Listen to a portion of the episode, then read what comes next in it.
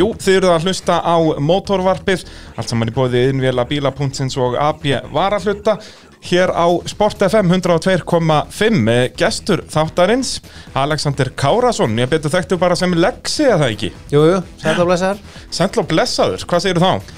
Bara frábært Já, það ekki. Jú, jú, Það var allir krossum helgina. já, fullt rör, alls konar keppni og allt í gangi Já, það er svolítið svoleiðis. Já, Og, og já, við munum nú, nú fara yfir hérna rallycrossið, bara bæði hvernig sumari fóru og svo keppnum helgina og, og svona síðustu ári en við ætlum nú aðalega líka, já, bara fara yfir ferilin hjá þér því þú hefur nú verið að keppa í motorsporti bara, já, síðan bara áður en ég fættist. já ég ætti búið að vera Ég eh, byrjaði snjósleganum í hvað 91, fyrsti sliðin Já, sem að mamma kaupir og, og ég er svona nánast eðila hann næstu tvo vitur og svo hérna 94 þá kaupir mamma annars sleða og, og eftir enn fyrstu keppnin á þeim sleða þá sagði pappi eiginlega bara hinga á ekki lengra. Og þetta fara illa með sleðan og þetta eðilega þetta. Þetta á ekki að notast í svona. Nei, og veturinn eftir það þá kaupi ég mér hérna já maður að sleða annan og, og fer að tjúna hann og gera og græja og fer að keppa honum eiginlega í fyrsta skipti sko. Það er svoleiðis og þetta er náttúrulega sko sögulegur motorvarps þáttur núna þar sem við verðum, já, miklu liti ekki að tala um motorsport á fjórum hjólum. Því að þú eins og þú segir, varst mikið í snjósleðunum og, og, og svo náttúrulega hefur þú hefur náttúrulega prófað bara svo gott sem allar tegundi motorsports. Á þú að torfæran eftir? Já, ég á hann eftir. Ég, Það er gott að eiga hana svona í ellinni. Já, ég held að, ég held að, að, landa einhverjum virkilega góðum sponsor. Já, um, eða eignast hérna, köpa luti samherja einhverja, það Já, þarf eitthvað virkilega peninga til þess að það, gera það. er á hjóli eitthvað þannig múf held ég. Já, mér finnst það allavega en, að því að maður ánum mikið á hobbyun líka og mér finnst gaman að gera allt og, og, og klálega hérna er ég motorsportmaður, það er bara það er alveg sama Það í, er í be- bensín í hverju er, blóðinu. sko. Já, algjörlega. En eini kannski gallin er að ég kann ekkert að skrúa sko, þannig sé. Já, það er svo, já, og þú verður alltaf að hafa ykkur með þér, með þér svona, sem eru, sem eru í Já, mér finnst náttúrulega bara frábært teimi gangut og það að vera með flott teimi í kringu sig sem að gera bara hvert sitt. Algjörlega, allir með sitt hlutverk Að ég er góður í, í línum og getur miðla málum á milli hvað mér finnst vera gangi í græjunni en ég þarf að einhver til þess að þýða það yfir og íslensku svo að hann geti breytt og unnið og stilt og gert og, og hérna lærið þetta daldi svona á harðari leiðinni kannski í byrjunu í Já, já. sliðasportinu þegar að hérna, fyrsti sliðin hann, ég fór með ég held ég að fara með uh, jú það var 11 stimplar og Já. tveir sílindrar Á hvað, bara einu ári eða? Bara á hálfum vetri. Þá sko fengna flækjur á, á, á jamaðsleðan og þetta endaði allt bara í, í drastli Já, það er svo leis, allt í skrúfunni bara. Já, þá var nánast eiginlega bara svona sagt við mig að, að ég ætti nú bara að leggja þetta hillina og kannski toppaði með því að slíta þrjá headbolta með heslilikni Já, já, bara. Það var svona Það var það svona punkturinn yfir í þetta? Já. Ég ætla ekki að vera í þessu hérna, ég ætla að fá okkur nýð þetta. Og þá bara fekk ég bla- flotta stráka með mér fyrir norðan og, og úr var náttúrulega bara að, að við vorum konum með góða skrúar eða með tvo besti skrúana bara fyrir norðan heiða og, Já, og flotta græju og, og bara flotta þekkingu utanfrá og þannig var það eiginlega bara komið með bestu græjuna frá A til Ö. Akkurat og, og besta liðið það þannig að, allir eru með sitt hlutverk. Já, algjörlega og svo þróast þetta bara enn frekar. Við á, á tímabili 2002 þá flytt inn hérna George Sirard sem er besti skrúar í heiminum þá. Og hann van, sest, var skrúar fyrir Blair Morgan sem var svona kongurinn bara í sleðasportinu Já, ok. Og hérna fluttum hann bara til landsins rettum peningum með því að hérna, láta hann búa til líka kitt í aðra sleða, fjallasleða Já, já. þannig náðum við svona fjármagna komunu á hann Akkurat, akkurat. En á með, með að fengum við náttúrulega alveg frábæra aðila sem að skila okkur græði sem að bara hún skila 100% afkvöstun niður í belti bara frá upphafi og, og sá vetur var besti veturna því að ég tappa ekki einu híti Já, svo starti. bara yfir allt tímabilið. Nei, Já, það er náttúrulega magnað. Uh, Þetta er að sannsögum allt saman í já, þráðbeitn útsendingu hérna úr Nóa Sirius stúdiói podcastaðvarannar en uh, já, nú verður þú eiginlega svolítið bara að fræða mig frekar en að ég að vera með eitthvað sniðu að punta. Eins og með hérna þetta snowcross. Þú byrjar í því hvað er það, hvenær er fyrsta keppnin, er það 91 alveg? það er svona 92-3 er ég að keppa kannski svona í spinnu og einhverjum svona dóti svona sle, sleða. Og rosalega mikil menning á þessum tíma Já. á Mývatni og Akureyri og það voru stóri viðbörum í mörg hundru keppundum Ég nefnilega mann eftir, þetta var alltaf sko reglulega í þáttunum hjá Bygga Braga, motorsportinu, yfirleitt svona fyrsta þætti af vori Já. og þarna er mitt, já, keft í mörgum mismunandi greinum á snjósluðum þetta er sem sagt, var ekki eitthvað endur og eitthvað cross og eitthvað spilna og eitthvað svoleiðis? Jú, þetta var mjög vítt og, og breytt en gríðarlega skemmtilegt, fjallaralli var flott þá voru menna að keppa Mm. Og keira yfir fjöll og fyrniti bara á, á endar hafa á græðum, þetta var náttúrulega svona sem bara dagarstemming í rauninu nema bara á ís, Já, ekki sandi. Og bara yfir fjall og menn, þetta er náttúrulega bilaður hraði sem menn voru að fara bara yfir fjallgarðan ég enda náttúrulega alveg wide open spaces eða þannig að það er bara sko. ótrúlega að enginn hafi dreipist í Já, þessum við sem er enda magna og þetta er bara svona minnsti skurður eitthvað staðar og þú ert búin að fljúa sko einhverja bara tíu metra upp í loft og allt í steg Já, algjörlega og það var ekki eins og til eitthvað sem heiti fjörunukerfi Nei, þetta náttúrulega eru bara þarna gömlu sleðarnir bara hérna. Algjörlega, þetta er bara eins og maður fari í, í, í rally á einhverjum hérna, Mexikana skilur lórættir Já, já, hérna yfir þetta það var ekkert í búið en, en þetta var náttúrulega frábær tíma og var svo mikið í gangi Já, og- það og var, svo í, það var mikill blómi þannig í þessu. Algjörlega og sem mývasmót voru veist, mörg hundru manna hittingar og, og, og það er ég minna sleðarspinnur og sleðarall og þannig kemur hún snjókrossi fyrir myndast allt út úr, út úr þessu. Já, og fer að vera verður mjög flott svona keppnir og, og hérna og á sínu tíma flytjum við til dæmis inn hérna bandir í samband var FSA sem að var hjælt keppnir ellendis og hérna kynntist þeim úti og, og þá við að búa til dittnar hans, þeir voru aðalega sem sá um X-Games já, nákvæmlega, þetta var ekkert þetta var bara uh, þeir allra bestu í rauninni.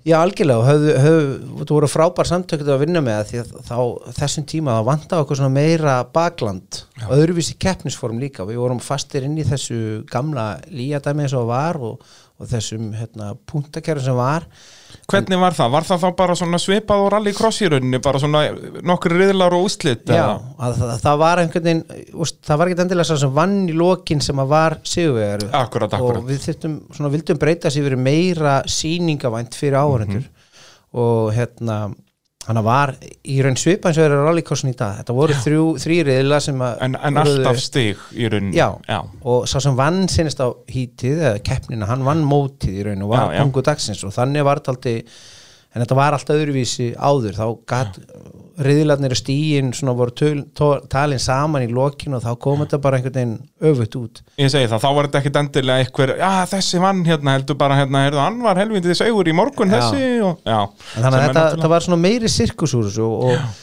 það voru mjög flottir aðalar fyrir norðan sem tóku aðstæður. Marin og Gunni Hákon og fleiri sem að tóku ramman bara og, og það var expandað mjög flott. Já. sýningarna voru stóra það voru mörg hundru manna keppu það voru í þúsund áhundur sem koma á Dalvík og horta á okkur keppa á höfninni. Bara sem að hérna það sem er fiskidagar tónleikarnir. Akkurat, akkurat, bara á þannig því svæði þarna fyrir neðan bæin í rauninni eða þarna hafnasvæðinu Við vorum keppnir í miðbæ Ólasærar, miðbæ. Dalvíkur og á, á Akureyra vellinum sko, Eh, Nákvæmlega, nákvæmlega. Og hvernig voru sagt, með brautirnar, voru bara fengnar gröfur og bara mókaður snjór þar til að hafa komin einhver braut? Eða þú veist, var eitthvað undir þessu? Þú veist, einhver möl eða eitthvað þetta? Voru náttúrulega svaka stórar brautir og sett, miklar beigur og mikil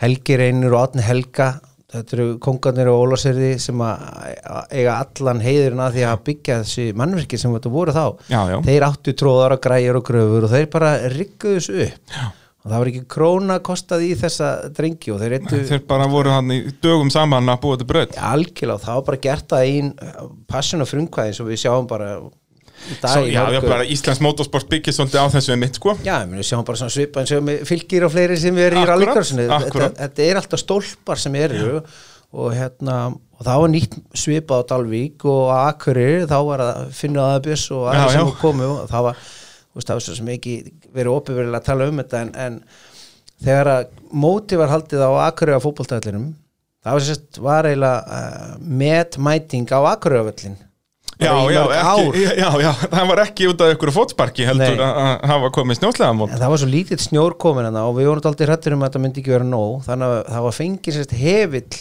á miðan nótt til þess að skafa á hana fótboltaðallinum og það var gert svona allt í skjóli nættir þannig að engi mætti vita af þessu Nei. sko en það var mættur hefill til þess að skafa á hana völlin til að íta þessu upp og, en, þetta var algjör sirkus og algjör partins líka sko. Já, já, algjörlega, mikið í kringum þetta og þú náttúrulega ert að keppa þarna, já, nokkuð stanslust þarna allavega eftir hvað, svona 94, 93 Já, 97 fæ ég mér svona fyrsta, þá fæ ég links og, og það var svona slið sem var með frábæra fjörun og, og Já, svona, e- er í þessu sem sagt, alveg svona, já, keppnisleðar og svo sleðar sem eru meira hana er í eitthvað ferðamennsku eða er þetta, Já, já. þetta breyta sleðum, hvernig fungerir þetta? þetta var meira maður fær meira keppniskræðin bara klárar. Og þá var þetta aldrei mikið á þessum tíma flutting keppniskræðin, það var líka margir að breyta sínum græðum. Akkurat, en, en þessi sliði kemur aldrei svona sem breyting á markanum að þetta er fyrsta skipti sem að hérna, þetta er fyrsta sliði sem þetta umboð, linksumboði og akkur tekur inn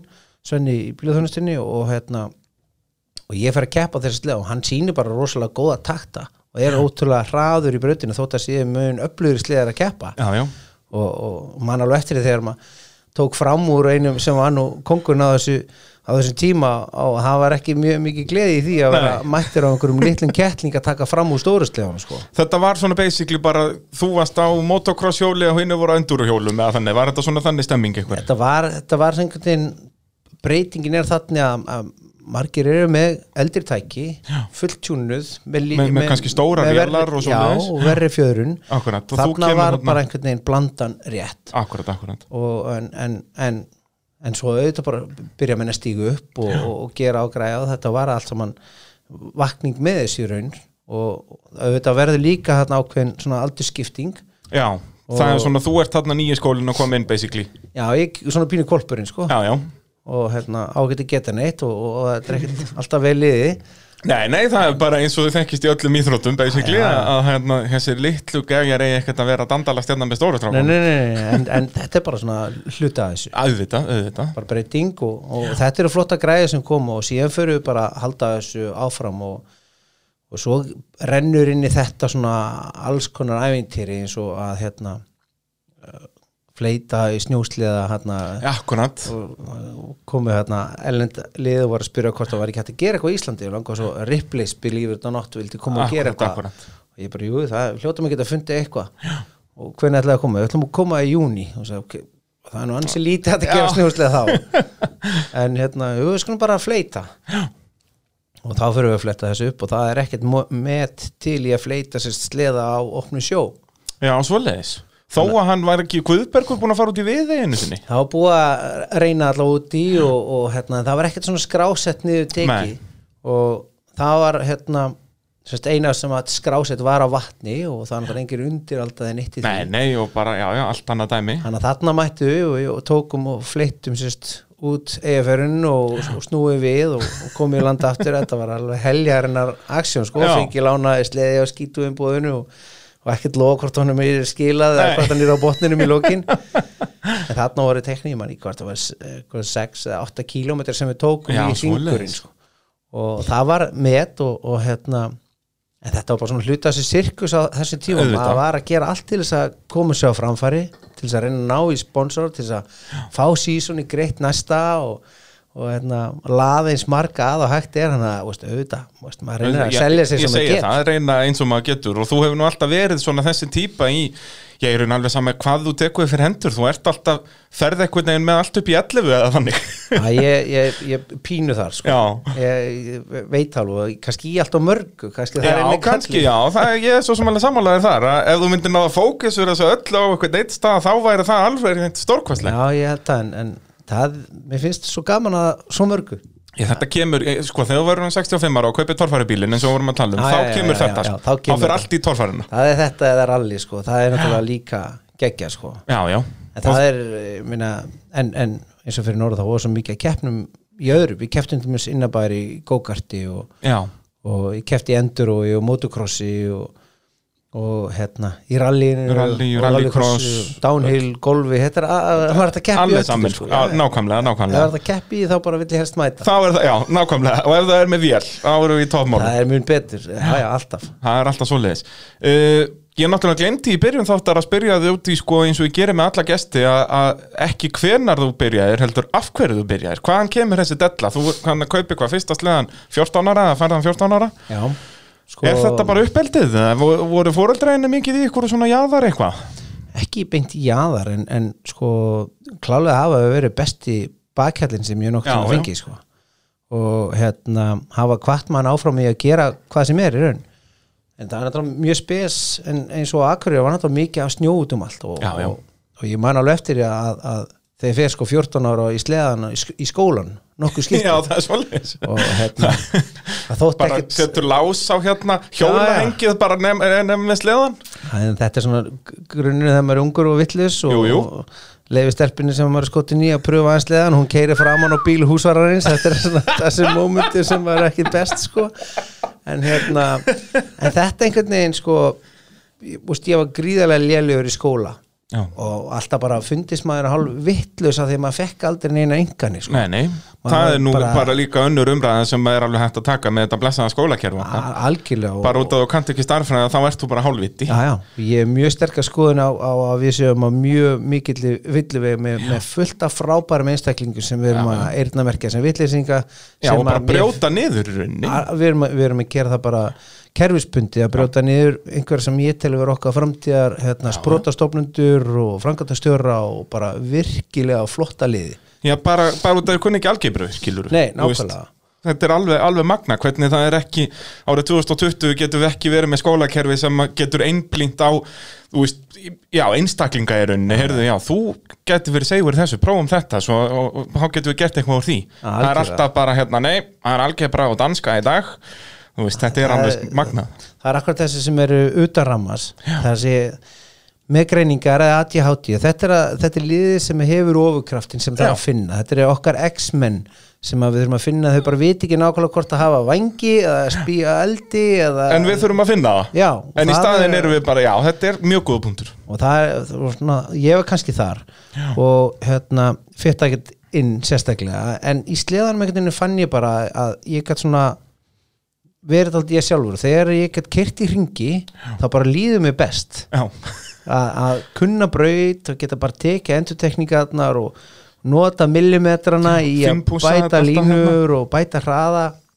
Þetta er bara klálega eitt af skemmtilegasta sem að ég gætt gert allavega þá. Og þetta allavega var til þess að ég var, var að æfa skíði og svo bara í, var keppni líka í spytnu og sama tíma, sama degi mér þess að og ég let mér detta sérst í fyrrumfyrinni á skíðakeppninni svo ég geti farið á sleðanum yfir í keppnina og keppt á honum í spytnu í alveg. Já, og það var svona einmitt endirinn á skíðaferlinu. Já, að þú ert þarna í miðri keppnu og heyrðu, æ, nei, ég dætt, heyrðu, ég, ég farin Lét mér bara hverfa.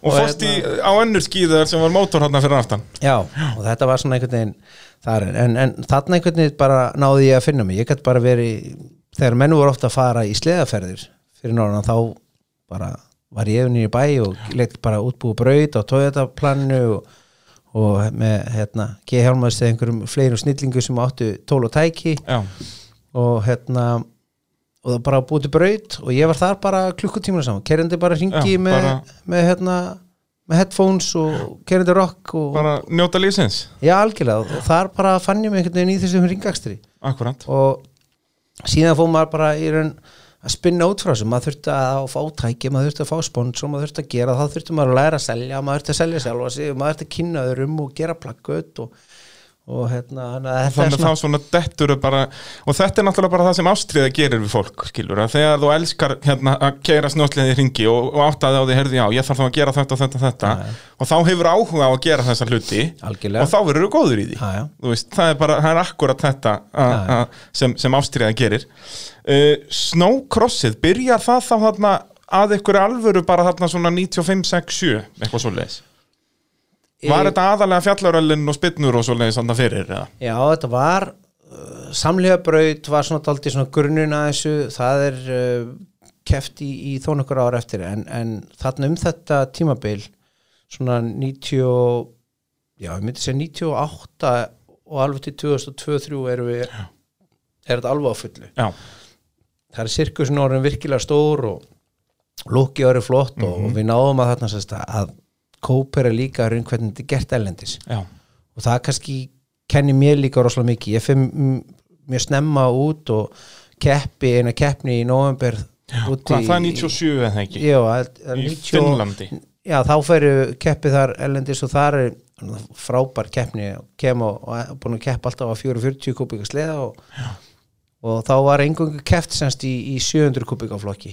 Ég fekk lána sleða sem var bara helmingi öflugur heldur minn og við vorum vanir að það voru svona hítin hérna voru svona þrísasinu 5 mínútur.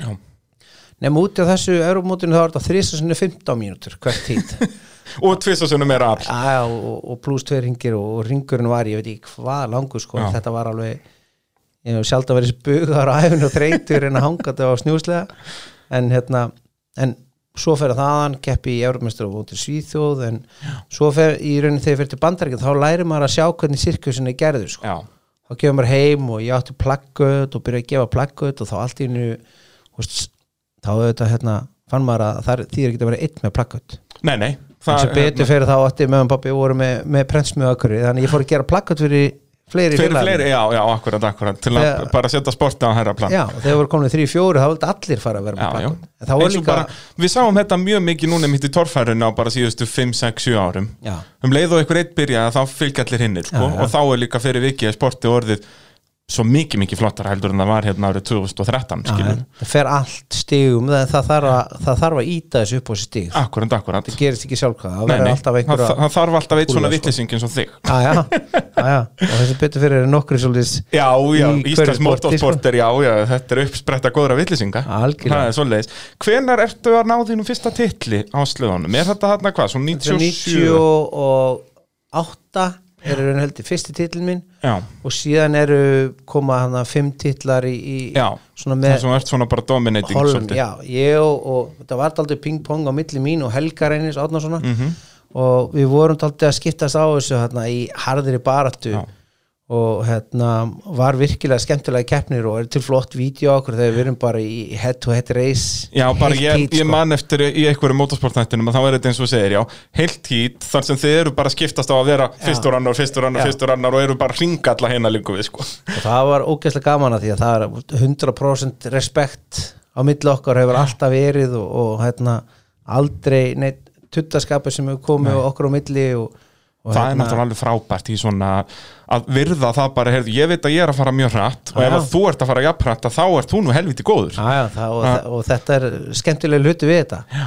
og hérna, en þarna voru svona alveg til 2003 og þetta, svona toppurinn kemur eiginlega þegar ég keppi sko í tvemi flokkum í sama vetturinn, þegar ég keppi bæði í 440 kubika flokkum og svo líka á 800 kubika Já, bara ert að hoppa milli sleða, bara Já, riðil eftir riðil. og þá var maður bara veist, í flottu formi og með flotta græður og þetta bara, þetta gekk upp. Já. og hérna algjörlega óvikil en, það var bara gaman aðeins ég segja það, bara að setja punktin yfir yfir algjörlega Eh, Við skulum halda áframinn eftir örstuð hlýða að fara yfir þennan magnaða fyrir. Þið eruð að hlusta á mótorvarpið, ég heiti Bræði Þórðarsson og þetta er allt saman á Sport FM 102.5. Uh, já, ég byrja nú flesta þætti á að segja að mótorvarpið uh, já, er, er besti podcastátturinn sem fjallar um motorsport á fjórum hjólum. En nú erum við bara í, í snjósliðunum, Lexi.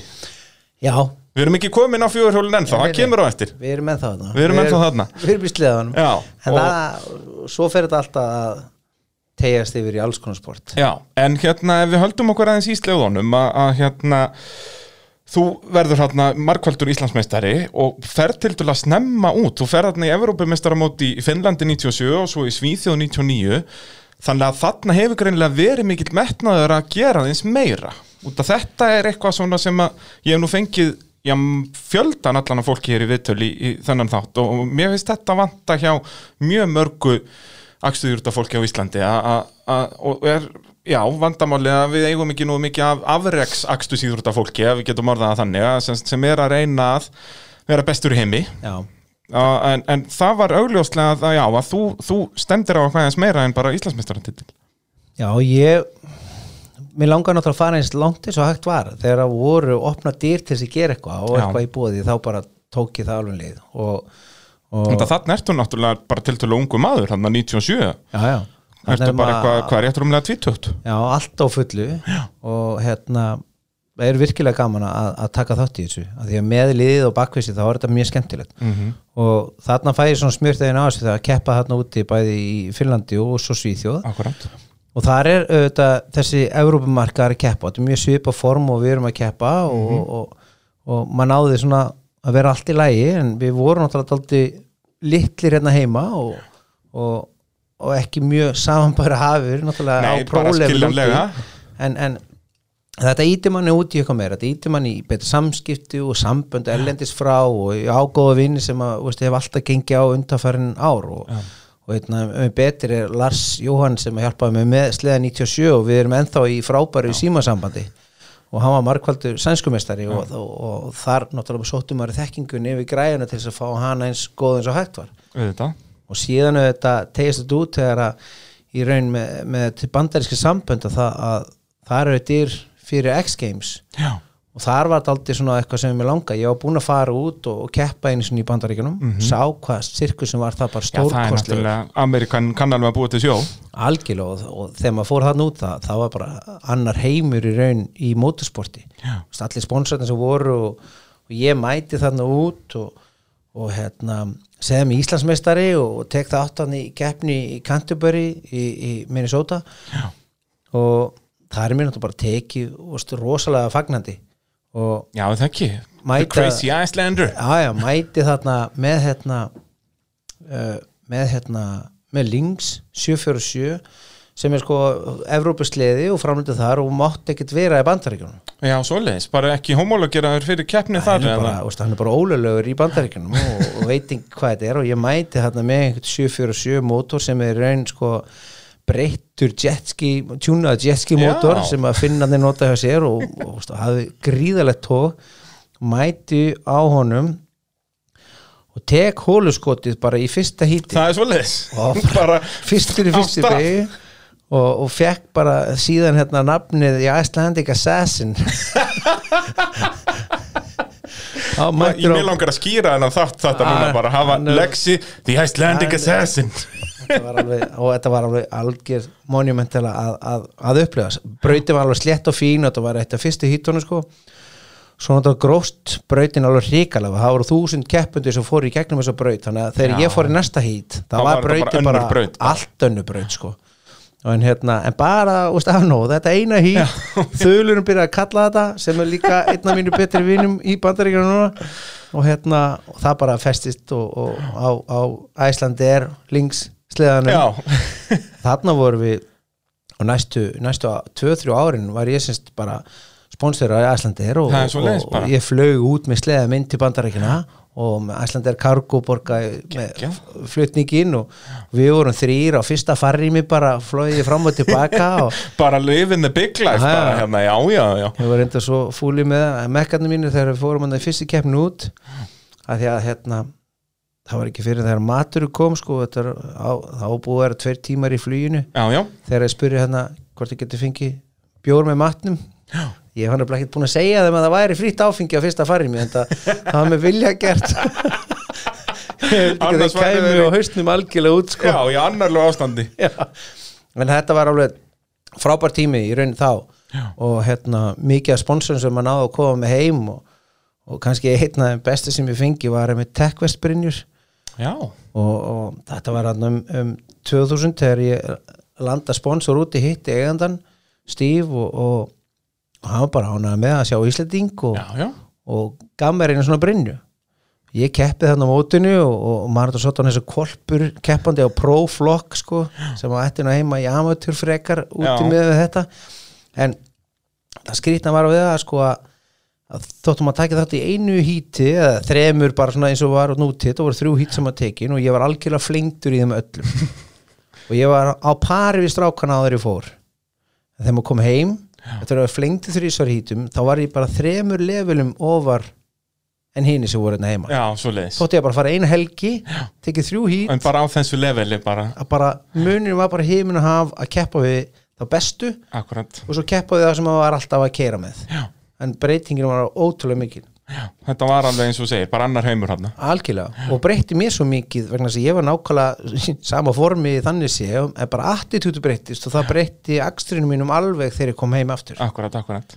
Og það er nú líka stór partur í motorsporti bara og í íþróttum náttúrulega almennt Þetta er ekki, þetta er mikið hausnum á manni. Það er Já, bara algjörlega þannig. Algjörlega, maður er bara eins og maður, maður eins og segi, bara sama eins og fútboltana þegar við spilum á móti enn betri liðin sem við erum að keppa þá bara batna leikurinn. Jep, og, hérna, og það þarf maður að gera, maður þarf að ná í þetta. Já, og það, þetta fannst mér ábyggla besta triksi sem ég gerði að gera mig betri en þá sem voru heima. Var ekki stífa æfingar hérna heima heldur að fara út, vera lamin koma heim. Og vera orðin betri. Já, og allt í hennu en þannig í þessu móti þá landaði þessum styr, styrkma á brinninu og svo kem ég heim og keppi og, og þá var að hérna, planið auðvitað bara að taka vel á þessu og í, í einu mótinu á mývatni þá drefst á sleðanum rétt ári fyrir við stökkpall. Já. fæ liðsfélaga minn fljúandi og hann lendir semst í mjóbakinn á mér. Bara á bakinu, þetta er ógeðslegt sko, þú varst að sína mér vídeo af þessu hérna, þið getur fundið þetta bara á YouTube bara Lexi, Snowcross, Crash, Æsland eitthvað. Já, og þetta, hérna, bara ógeðslegt að sjá þetta sko. Þetta er rosalegt, hann lendir í bakinn á mér kærir mig yfir stýri mitt og dregur mig yfir húti á sleðanum mínum og svo bara hann flýgur framfyrir sig aukumæðurinn og hérna og við þetta brotnar góðu hluta bækinum voru fjör, Já. fimmur uppbein og eitt er að var að kýtlaði lunga á mér og svo lá ég undir sleðanum hans bara og kafi í vatni.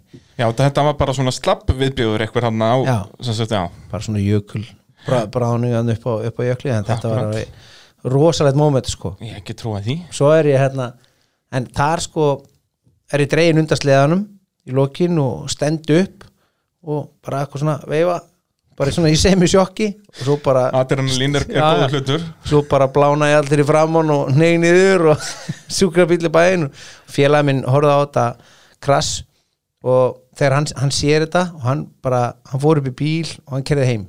Já, hann fór ekki að tjekka hvort ég var að læga ekki hann bara, Nei, hann bara vissi það hann bara, vissi að ég var döður Já.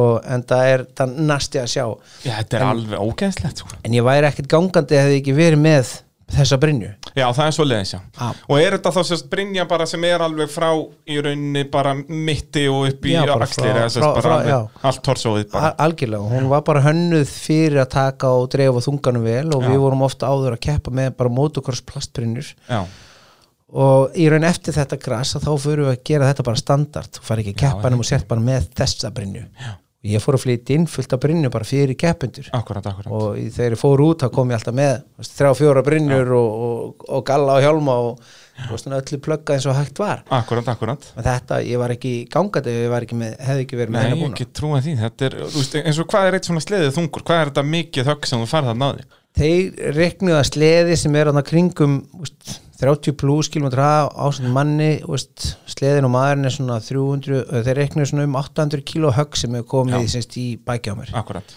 Og það, jú, já, brotnaði slatti auðvitað og, og ég var á spítala hann í, í, í, í viku. Já, eða ekki, bara til hvað, föstudagsins næsta? Já, þá hérna þá ringi ég í sjúkurþálar minn og segir, hérna getur hitt mig í fyrirmáli klukkan 6 og okkur, það bara hitt mig bara hana og ok, svo mæti ég til hans klukkan 6 og hann kemur, hva, hvað er í gangi? Ég þarf að byrja með að teipa mig. Nú, hvernig, já, svona með hendurna fram. Og hann bara, ha, hvað er það? að ég er bakbrotin en ég er að fara að keppa nú klukkan 10 og ólasýði Já, þetta er að lauga þetta smátni þarna Já.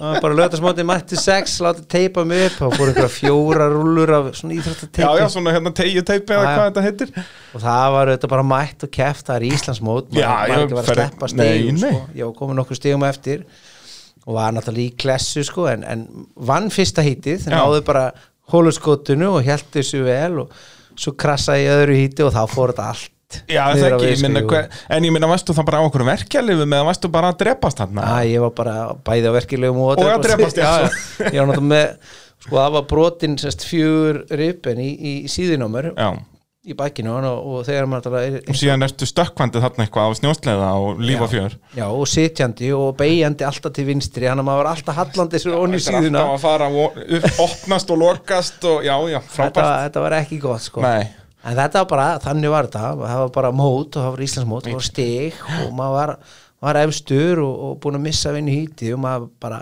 var að berjast og það snerist ekkert lífi, snerist ekkert um annað heldur Íslandsmóti já, já. Uh, Þú talaður um hérna X-Games keppnar sem þú keftir í. Uh, kannski þú talaður aðeins um sem sagt, af hverju þú fóst Við- þú myndist aðeins á þetta hérna sem sagt, þessi Ólafsvíkur keppni já, sem er sem sagt voru erlendir aðilar að, að sjá um þá keppni í rauninni já, plani var að í raun sko stóra plani var tólti að mér langa að fara á X-Games og þessir aðalar í bandaríkinu voru að halda þessi mót. Þannig að þetta kemur tólti til að, að, ég hef samband við það úti og með hugmyndum að halda hérna alþjóðlegt mót.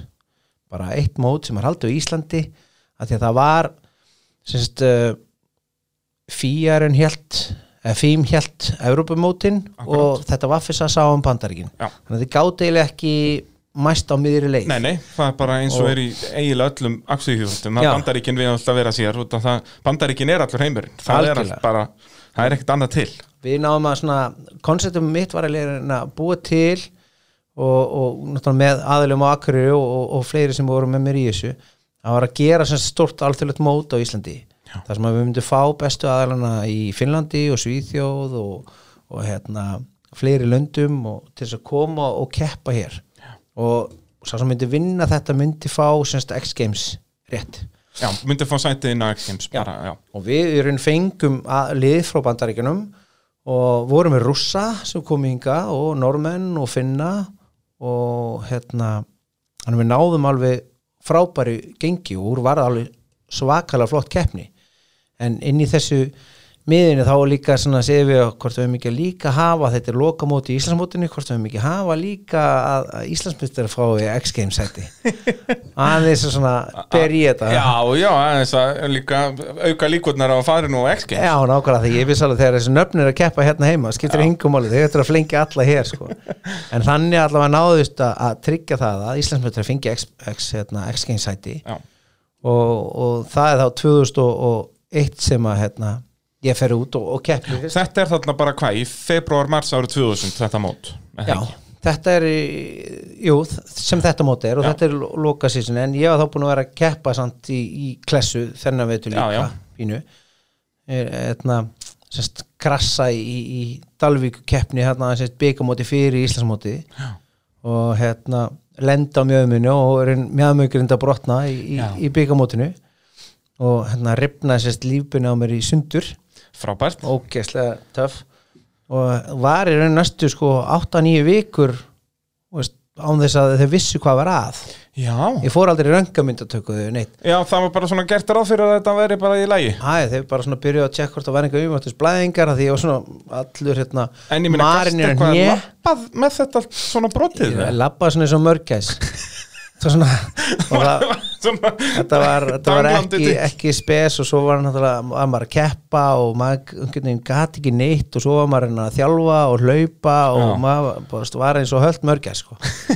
ekki flott lúk Frábært, nei, nei. og er- svo var náttúrulega bara er allt Íslandsmóti tekið bara á, á, á þennan máta og var alltaf að drepast í þessu og búin að fara tvisar upp á spítalan aldrei fengið röngun, bara alltaf fengið eitthvað- umskoðun og eitthvað svona dót til að sjá hvort það var eitthvað blæðingar, ekkert fannst svo bara í raun viku fyrir alþjóðlumótið þá er ég hérna, ég, er, ég, bara, ég og Helgirinu verið bara nánast jafnir að stígum og þá fer ég upp á spítal og segir ég fer ekki út fyrir en ég fæ röngamyndtök svo tekið röngamynd og þá kemur ljós heru, hérna, það er einhver smá skekkja við ætlum að taka hérna smá gegnulýsingu.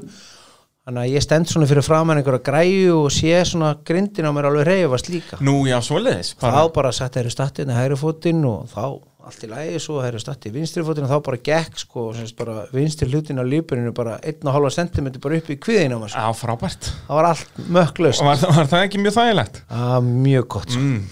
það var bara, heyrðu, þú er að fara bara strax í aðgerð ég sagði bara, nei, ég er ekki að fara neitt í aðgerð bara, búið, þetta skiptir höfumáli bara að gera þetta strax ég sagði, og því ég er ekki búið að gera þetta svo far það.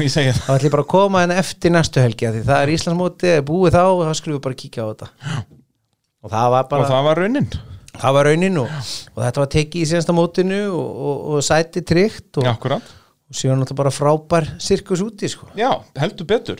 Og þetta er nú, já, já helgarinnar, já, meðsli sem þú lendi á þessum snjókrossferli, en það, það er bara vitleis að vera að keppa í motorsportin, það er ekki veltibúr í kringu þeim, Lexi. já þetta er voðalega safe þegar veltið búið í kringum hann, alveg klálega en þetta er En- alveg haugur og slísi sem búið að vera so far sko. Já.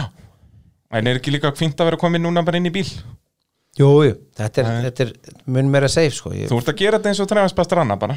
Hann byrjaði á að eyðilegja sig algjörlega og fór síðan bara inn í bíl. En Er núna ég- með veltibúr í kringu sig. þetta er líka þannig að, að sleðarnir og, og motokursið og endur og þetta er alveg klálega minna, ég held ég hef slítið nánast allt frá ökla og, og, Já, og upp úr sko. ég sleit beigði hnið aftur og bakk sleit frábært. krossbónd og liðbónd á, á, á snæfisökli já, fór úr, og fór úr hérna, mjöðmælgitabrotnaði, fór úr mjöðmælið á endurhjóli Far úr mjadmað lið. já, Og í barast. var að keppa í, í klaustri klaustris endur á keppni svona hæsæta og setti fótun út og fór allt í klessu og bara, bara. rangaði við mig þá bara mjama kúlan komin bara sem þriði eista sko. var bara komin til lífbein satt þar, allt í klessu. Allt í steik. Og allt fast. En hvað, þú ert þá ekki að mikið að lendi því sko, eins og með Travis Bastranna, hann var alveg að lendi því sko í rallycrossi að vera að fara úr axlarliðum og eitthvað svona, þú ert ekki alveg svo ónýndur Nei, ég, ég, ég er ótrúlega góður sko, að, að hérna að þrátt fyrir þetta bara, nýja, viðbein, öklar bak, lífbein og þetta er allt saman, þá er ég bara í ótrúlega góðum málum. Ég, Já, veist, ég, ég, bara, ég er og sopna svo, ekki eins og mörgjas allavega. Nei, nei, ég bara, veist, að sopna verkjalaus og, Já. og, en það er líka bara ég fókusera á þau, þau, þau eru bara verkefni eins og hvað annað sko. Þegar maður búin að fara um jámalið og fattar ok, ég er að fara í eitthvað hérna reis.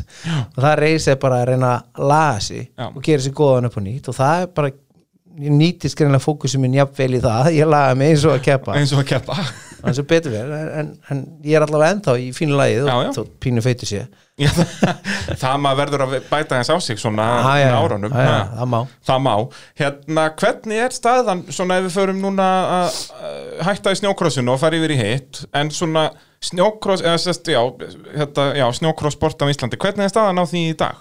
Er þetta í sama plussa að þetta var í? Nei, Nei. Það, það, það dó bara rosalega mikið út hérna, bæði í kringum hérna, þegar hruni varð Já, og, og það bara einhvern veginn fór áhugin líka á þessu það er svo leis. En Já. hvað, er bara ekkert keft eða? jú, það er haldið mót og það er haldið íslensk mót en eh, það er enga veginn sama strengur svo þetta var Nei.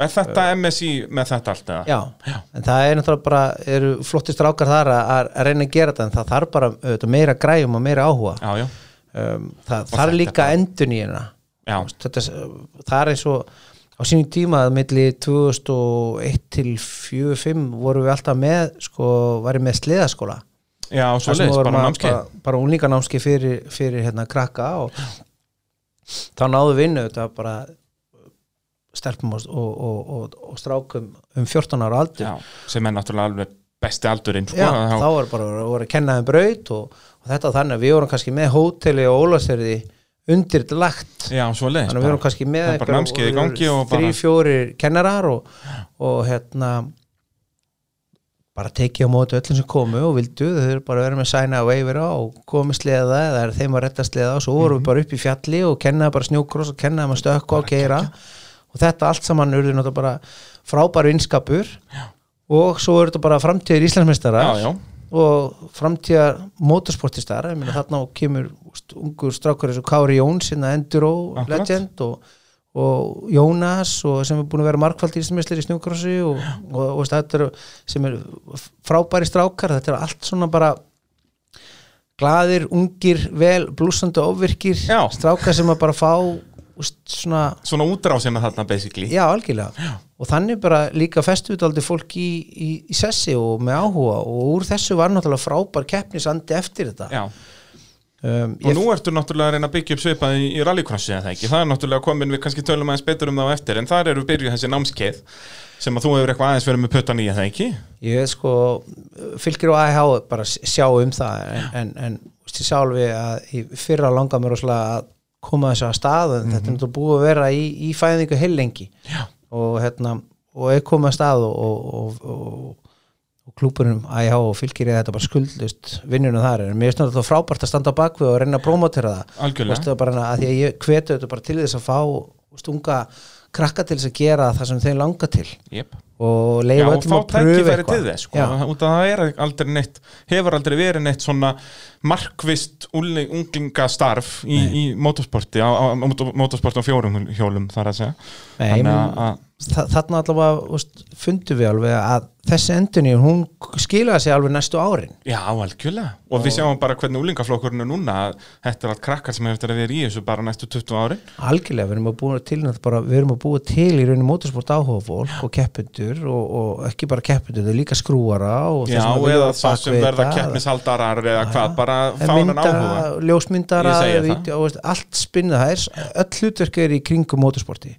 Algjörlega, og það held ég að sé svona þessu gullni miði að endunni og sjálfbarni í motorsporti er að halda góðu húnlingastarfi úti. Já, algjörlega.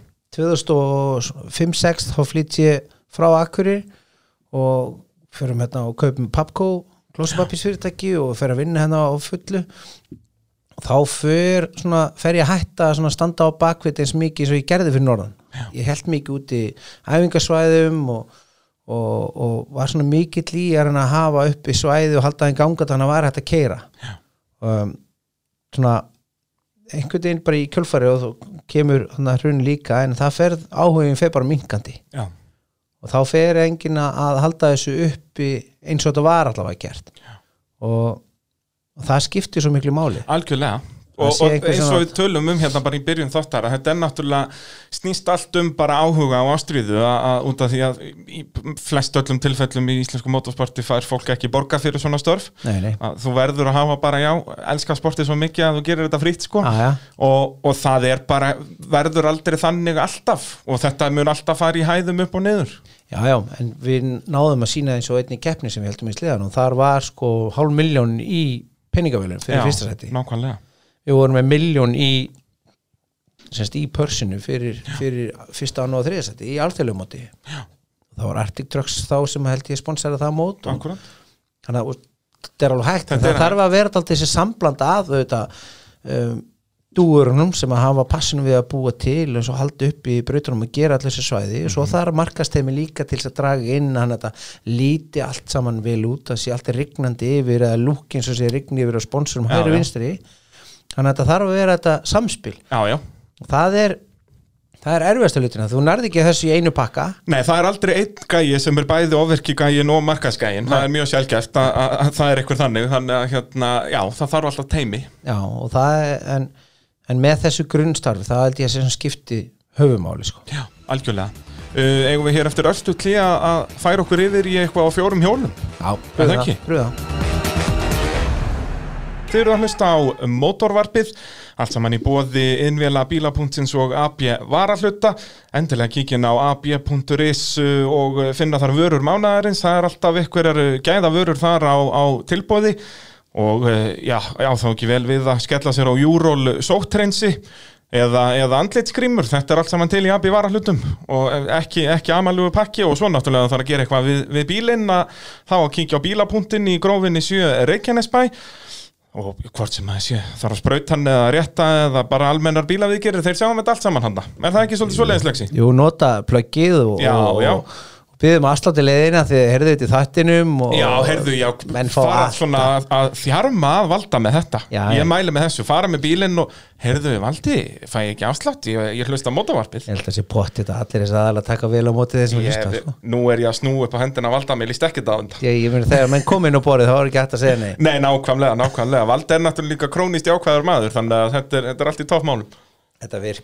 er að er, er. Heyrðu, við erum búin að fara svolítið yfir snjósleðaferilinn og uh, ætlum núna að fara yfir á uh, motorsport á fjórum hjólum þar sem Já. það er það sem þessi þáttu snýst um uh, Þú náttúrulega hvað, ferð þegar þú ert að flytja hinga suður frá Akureyri þá byrjar að prófa eitthvað þarna þú ert búin að vera í, í snjósleðunum en svo líka eitthvað á crossurum og enduro og go-kart byrjar líka á Já, kefti aðeins á, gókarti fyrir norðan og Já. tók þátt í Íslandsmótinu þar og Já, Hvenar er það? Er það svona hvað, 2004-2005 eitthvað svona? Já, sem 2000 og, já, kringu það sem við erum að keppa svona mest á Dino og þetta var ægilega gaman og keppt innabæri Ólasyrði og Já, Hérna- svoleiðis og var, sko þarna hvernig er Íslandsmótið í go-kart þarna? Var mikið, var mikil stemming hann? Voru margir keppendur það var og hellingur af keppundum sko. það þarna eru náttúrulega ennþá allir þessi bílar go-karti var kannski svona upp á í sínu mestu hæðum hann kannski 2001, 2003 Já, en þarna er ennþá allir bílarnir til það voru náttúrulega fluttir inn svona haskörtur þú veist í hundraðantali já, þetta var haugu til sko og þetta voru mjög stóra keppnir og ég man eftir sérstaklega Ólasyrði hérna, frábæri keppni innabæjar. Já, var þetta þá bara á göttunum eða á einhverjum svona nei, nei, það á var bara bara lokað Monaco götunum. stemming Já, bara. Algjörlega. En það er náttúrulega Ólasvík sko margótt verið hérna, lí, líkt henni við Monaco Já, Ólasyrður Ólasfjörður segja ekki en, Ólasvík en þar, þarna voru Átna Helga og fleiri aðæla sem bara höfðu ítöku í bænum líka í að gera þetta. Já. þetta var bara lokað, þetta var ekkit issue. Nei, þetta er líka bara svo töff. Já, algjörlega. Það var náttúrulega go-kart keppni bara þarna á sunnudegi skilur og fíluðu ekki líka bara bæjabúa þetta Ég Jú, algjörlega. Og þetta var alveg gríðarlega skemmtilegt. Og hann kynist ég líka henni Guðbergi Guðbergs og, og hérna, hann er mitt vann þetta mót. Já, ok. Og ég ég minni að ég hef verið öðru setti í þessu móti. Og þá er myndi sko típiska brasi á manni sko, ég velti inn bara bílum hann í fyrir úslita hítinu var með fínan tíma en flippaði bílum og, og, og hérna Hvað, bara, fórstu upp á bara uh, hérna kantstein? Nei, ég rakst í dekk. Það var náttúrulega að gera þannig dekkjastæði sem var náttúrulega alveg ekki sniðut að gera en, en, og ég enda því að flippa bílum og lendi á kolvi Já, ok, og og hérna, sleppur samt að ég náði að hérna, Fer hann þá á hlið í rauninni og ferð ekki fram fyrir þig? Nei, hann fer eiginlega bara alveg beint á kolf og ég lendi bara náttúrulega head first og, og bara Ok. pakkast saman í sætið og svo veltur hann áfram og ég slitna svona út úr hann og, og enda svona hlaupandi bara á gangstéttin eiginlega, þetta var ótrúlega Vá, fyndið að sjá og þetta er til að vídeo. Já, ok. þá, þá hérna sérst, uh, þá það sem kemur fyrir að það ripna sérst þindin á mér. Já. Þegar ég kýtta saman Og, og hérna og svo fer ég bara í og úslitin byrja að keppa og ég byrja að fá hennar brjálaðan verk sko, ég held já, ég get hérna skilið það leið eins og ég var að fá raflost í gegnum stólinn sko, en ég byrja að keira og svona draga mig framar. En þá er þetta bara sérst er, er, er vöðvarnir, þá er hún að bólna upp á mér þindin, og, og hérna maðurvöðnir er að klípa í þetta svona af og til þegar maður er að keira Já, já. Og ég var alveg að drepast en ég hangaði í skattinu á Kuperki Á sko, ætla ekki að gefa neitt eftir sko. Nei, nei, allir ringið vantar til ekki tekni keppnisskapið þar. nei, nei, svo kerði ég í gegnum endamarki og á stoppa ég og bara, bara baðum að vera náðu sjúkrabíl. Já, það er svo leis ég bara stoppaði bara, bara geti náðu sjúkrabíl. Og það var bara, ég var sóttur og tekið sjúkrabíl og kerði bara í bæinn og konu mín stóð upp á velunarpalli og tók við velunum í staðinn.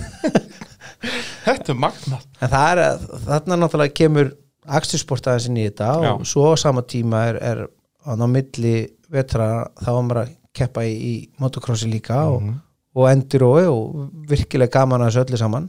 Og ert alveg alltaf í toppslagnum í öllum þessum sportum? Ég hef náða bara einhvern veginn að vera þar sko. og kannski síst erfiðast að vana kannski í í motocrossinu. Já. að því að veist, ég kemt aldrei gamall inn í þetta og ég ekki með teknilega kunnötu en veist, ég hef alveg hraðan sko. Já, með svona smjörþefin náttúrulega Það er alveg þannig sé svipaði það ekki í snjókross og motocross bara mikil meiri þingdu náttúrulega í snjókrossinu Jú, og meiri fínhreyfingar sem þarf inn í þetta Já. bara eins og kúplingar og, Já, og, já. og samspili á milli og þetta var kannski það sem að gerði mig svona klunarlegri sko Já. og veist, læsa og drepa hjólum þetta var svona típiska ég var bara í döðabotni og, Já, já. og þetta var pínu þar og það kannski hlutaði þegar, þegar ég fyrir um mitt að það er svona það er að keppa endur um móti og græjan er frábær og allt í tipptopp en hérna hæsæta því ég fer fram úr gaur og begi fyrir fram og ég er bara ekki Já, bara með vantar 100% touchi sko, Akkurat, það. akkurat en ég var með gríðarlega hraða En það var bara svona, En- kunnir ekki alveg á græðunar og Nei, ekki, hérna ekki 100% sko. Nei. var bara ekki með grunninn og bak og Já, en það, ég meina, þeir eru nú yfirleitt að byrja sko, já, bara upp úr 10 ára í þessu eða undir 10 ára í Já, þessu en, þú ert að byrja þarna um 30 Já, já, en, en klálega hafði ég línur og hraða það já. kannski verið að stæsta og svo, og svo bara teist yfir þetta og, og hérna fer svo yfir í, í raun pröfa svo ralli þannig í raun Já, kaupir, kaupir kvalinn fræga. Já, Jeep Cherokee hérna sem Sigvartur Sigursson og Úlfar Eistensson kæft á í mörg mörg ár. Já, og keppir í þarna í allavega einu haustralli og, og hérna í Ólasvi líka, líka hérna Snæfisnesralli og það er sama sagan, það vantaði ekki hraðan það kannski vantaði bara meiri keppindur við þig. Þú varst Já. í eppafloknum hann í svo, svona smá læð já um, við erum bara hérna, eins og fyrsta mótinu þá bara bílinn er sko, nánast ekki til. Já. hann er semst bremsur svo aftan þegar við komum í fyrsta heitu og ég semst, kom á kvöldi til og ég hef aldrei séð þetta og var með vini mínum að því ég fekk hann til að vera hérna, kóðari hjá mér. Já. með punta sem hann skildi ekki frá neinum. Og hérna þess að hann skildi bara ekki og, Já, voruð þið bara fengu fenguði punkta. lánaðar nótur eitthvað staðar og hann var bara svona eitthvað að reyna að decipera það svo eitthvað vorum búin að gera hann úr og, og hérna, semst við vorum komnir í einhverju bara á fyrstu skilur í, fjóruðu fyndu begið þá var hann týndur sko Já. að þetta var allt bara sjónulegt eftir það En og þetta var, geggjað, náttúrulega sko. nætturallið það ekki Jú, jú. var, var þetta ekki tveggja þetta að keppni það voru tvær mismunandi keppnir hérna einn á föstudegi og einn á lögadegi Já, var þetta þetta var eh, minnir dagar, það. já. og þetta var alveg magna sko Já. að keira samt þótt þetta væri græðan var yngavinn til í neitt en, en bara ég held að segja eitt af skemmtilega sem ég hef gert í, í motorsporti klálega snjókross er, er, er svona toppurinn. ta, já, en svona rallið myndi ég samt segja er eiginlega toppurinn að því að upplifunin er svo ótrúleg sko. Já, þetta er svo, svona meiri ævintýri eða þannig, sko, að þú ert að keira þarna langa vega lengt, veist ekkert hvað getur gest eða þannig. Þetta er svona svolítið öðruvísi heldur en sagt, þessi ringakstrar kapp, kappakstur og, og snjókrossið og rallycrossið og allt þetta. Þannig þetta er svolítið, já, öðruvísi sport Já, tíminn líka bara einhvern veginn stendur kyrð það búist, Já. þú maður búin að taka 10-15 minna selliði og, og, og hérna mann líður bara eins og að hafi bara svona 15 sekundir þegar maður kemur í mark, þetta bara Já, já. getur ekki að tekið svona langa tíma Já, líka bara eins og þegar þú ert að keppi í rally þú, þú veist vakna kljóðan 6 á mótnarna og ert komin heim kljóðan 10 á kvöldin eða eitthvað. Veist aldrei hvað klukkan er samt nema Nei. bara mínúturnar, þú pælir aldrei í klukkutímanum. Það er alltaf bara, heyrðu, hún er 43 ára núna. Þú veist, og síðan allt í hún bara, heyrðu, já, dagurinn er búinn. En þetta, ég fekk góða punktu að byrjun og, og, og Gunni Hjálmars var einmitt að, að svona aðeins að segja mig til að því að hérna, ég skipti, hann átti kvalin og ég skipti hann á pick-up. Og hann sagði þú vilt ekki að því ég hugsa maður alltaf ég fyrir rallið auðvitað bara, úst, er ég og, og svona einhvern eitthvað half-ass. Nei, nei, alla leið. Og hann bara er þú byrjar að jeppa flokk. Það er er ódýrar að fara út af á Japan Já, það var nákvæmlega sem hann sagði sko. það kostar ekki neitt þú fyrir út á Cherokee en það kostar helling ef þú fyrir út á Vaffer X Jep, það er bara nákvæmlega svo leiðis og, ég, já, þetta komur auðvitað gríðilega til lánsa því að ég sérstaklega hérna, í Emmitt Ólafsvíkur keppni þegar við erum að fara tilbaka og, og þegar maður kemur það er einn svona löng aflíðandi uppeja og endamarki er þar fyrir framann Já, og hérna það var punta niður af kóðarunum mínum honum Bokka að hérna að beigjan væri þarna og ég er að kera tilbaka og hann bara er, beigjan er að koma núna? Hann er búin að tapa punktunum áttum. Og hann bara er, við erum að koma beginni og ég bara, nei það er engin svo vitlis að leggja endamarki fyrir fram með uppegi, þannig að ég held hann bara dauða botni sérakjunum jep. Svo kem ég yfir hæðina sé uppegina og ég bara sýttir mér bara á endarhaða á kvikindinu. Og ég byrja að negla niður svo bara segja ok, nei, ég er ekki að vera að draga hjólið fram að þessum palli og ég bara stóð hann í botn Já, og röra bara beint út úr uppeginni þetta er nefnilega sko, margir hafa já, misreikna þessi svona með að reyna að taka beigjuna og enda það á kútvelta. Já. en bara frekar, heyrðu, nei, ég veit að þetta er ekki að fara að gerast, ég ætla að fara beint bara þannig að ég er eitthvað sjans á að allavega ekki kútvelta bíl Já, nákvæmlega, ég vildi bara fá þingdapottin í í skottið, Já. standan, flatan og úst, lenda á hjólunum og hérna úr var náttúrulega mjög skemmtilegt flug. Já, og hérna kannski ekki jafn skemmtileg lending fyrir greiði sér á ekki Nei, nei, hann aðeins bóknaði við, við þetta. En hérna en í gegnum þúur og svo fram að stallinum og komið þar niður á veginn og þá voru við komið fram á, á tímaverunum með, með tjekkið þannig að það var sett í bakki bakkað upp á honum. rétt spjaldið út það heyrist í stráknum. Svo ég hef aldrei verið sánar að vera sjálfbóðliði akkurat hérna í dag sko.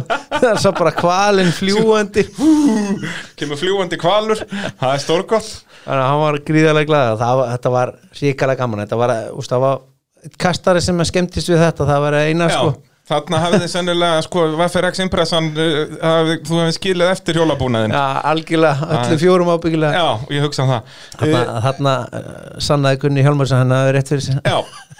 Uh, Af hverju keftir ekki meira í rally? Þú keppir síðan bara aftur hvað, í haustrallun árið eftir 2010 Já, ég tek, tek uh, sest, og svo Í- náttúrulega hann Lex Game sem við förum yfir á eftir. Já, í, í haustralinu tek ég keppi á honum líka og þar er mitt uh, þar var svona hvað sé það, þar svona fann ég þetta einhvern veginn Já, hann hann var búið að græja sko. bílinn eitthvað betur og svona. Já, hann var komið bremsur á aftan líka Já, þannig að- stórgráða En hann var náttúrulega sko, Helgi átti hann undan mér og hann, hann var sjálfskiptur.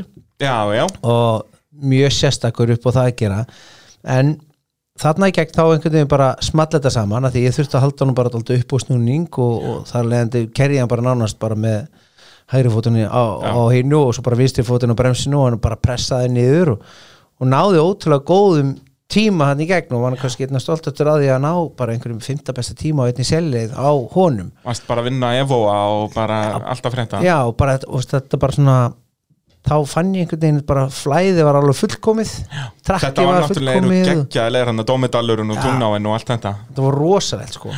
Og hérna mann einmitt er að keira niður hérna dómadælinn þá var þá sprungi hjá mér að framann og vinstramenn og, nei, hægramenn og ég semst var með þá hægra dekkið upp á vegkantinum til að hafa hann level á já, og meðan í dauða botni Já, bara á beinakablanum alveg hann í endan bara, já, bara í dauða botni dekki upp á ráma bílinn og pínu skakkur syngandi botni upp á hæðina sem kemur svo smá já. ég náttúrulega fór bara þvert yfir þetta allt saman sko. Það er bara sandur þannig, þú þarf bara átt að vita. Já, en það þetta var alveg þetta var, þetta var geggja sko. og hérna, þannig að það er einhvern veginn svona ég held að þessi aðalega bara tími og líka peningar. Ég var á fullu bara þetta að, sagt, þú ert ekki skrúar eins og varst að tala um áðan. Nei, en A- ég var með, ég með frábært lið með mér þá, sko, bara góða vinni mína og Alla og Ævar og, og, og, og, hérna, og Baldur og fleiri sem voru bara svona flott teimi á baka mig. Og, en, en svona eftir þetta þá komum bara ok það þýðir ekkert að gera þetta half-ass nú maður Nei, bara nei. pröfa þetta, það annarkvort þarf ég bara að fara og all in. Og hérna þá var bara ekki peninga þá, ég, veist, ég var þá að brasti að byggja húsi mitt hérna Já. í Mósisdalnum og, og hérna það var allt svona sett eiginlega hold bara næstu 5-6 árin bara í að koma undir mig bara heimili og öllu dóti hérna. Svona, svona aukatriði eins og heimili og svona Þetta er náttúrulega ferlegt þegar svoleiðis aukatriði koma í staðin fyrir motorsporti algjörlega, þannig að maður koma með þrjú börn þarna og Þetta náttúrulega meikar engan sens. Nei, nei, nei.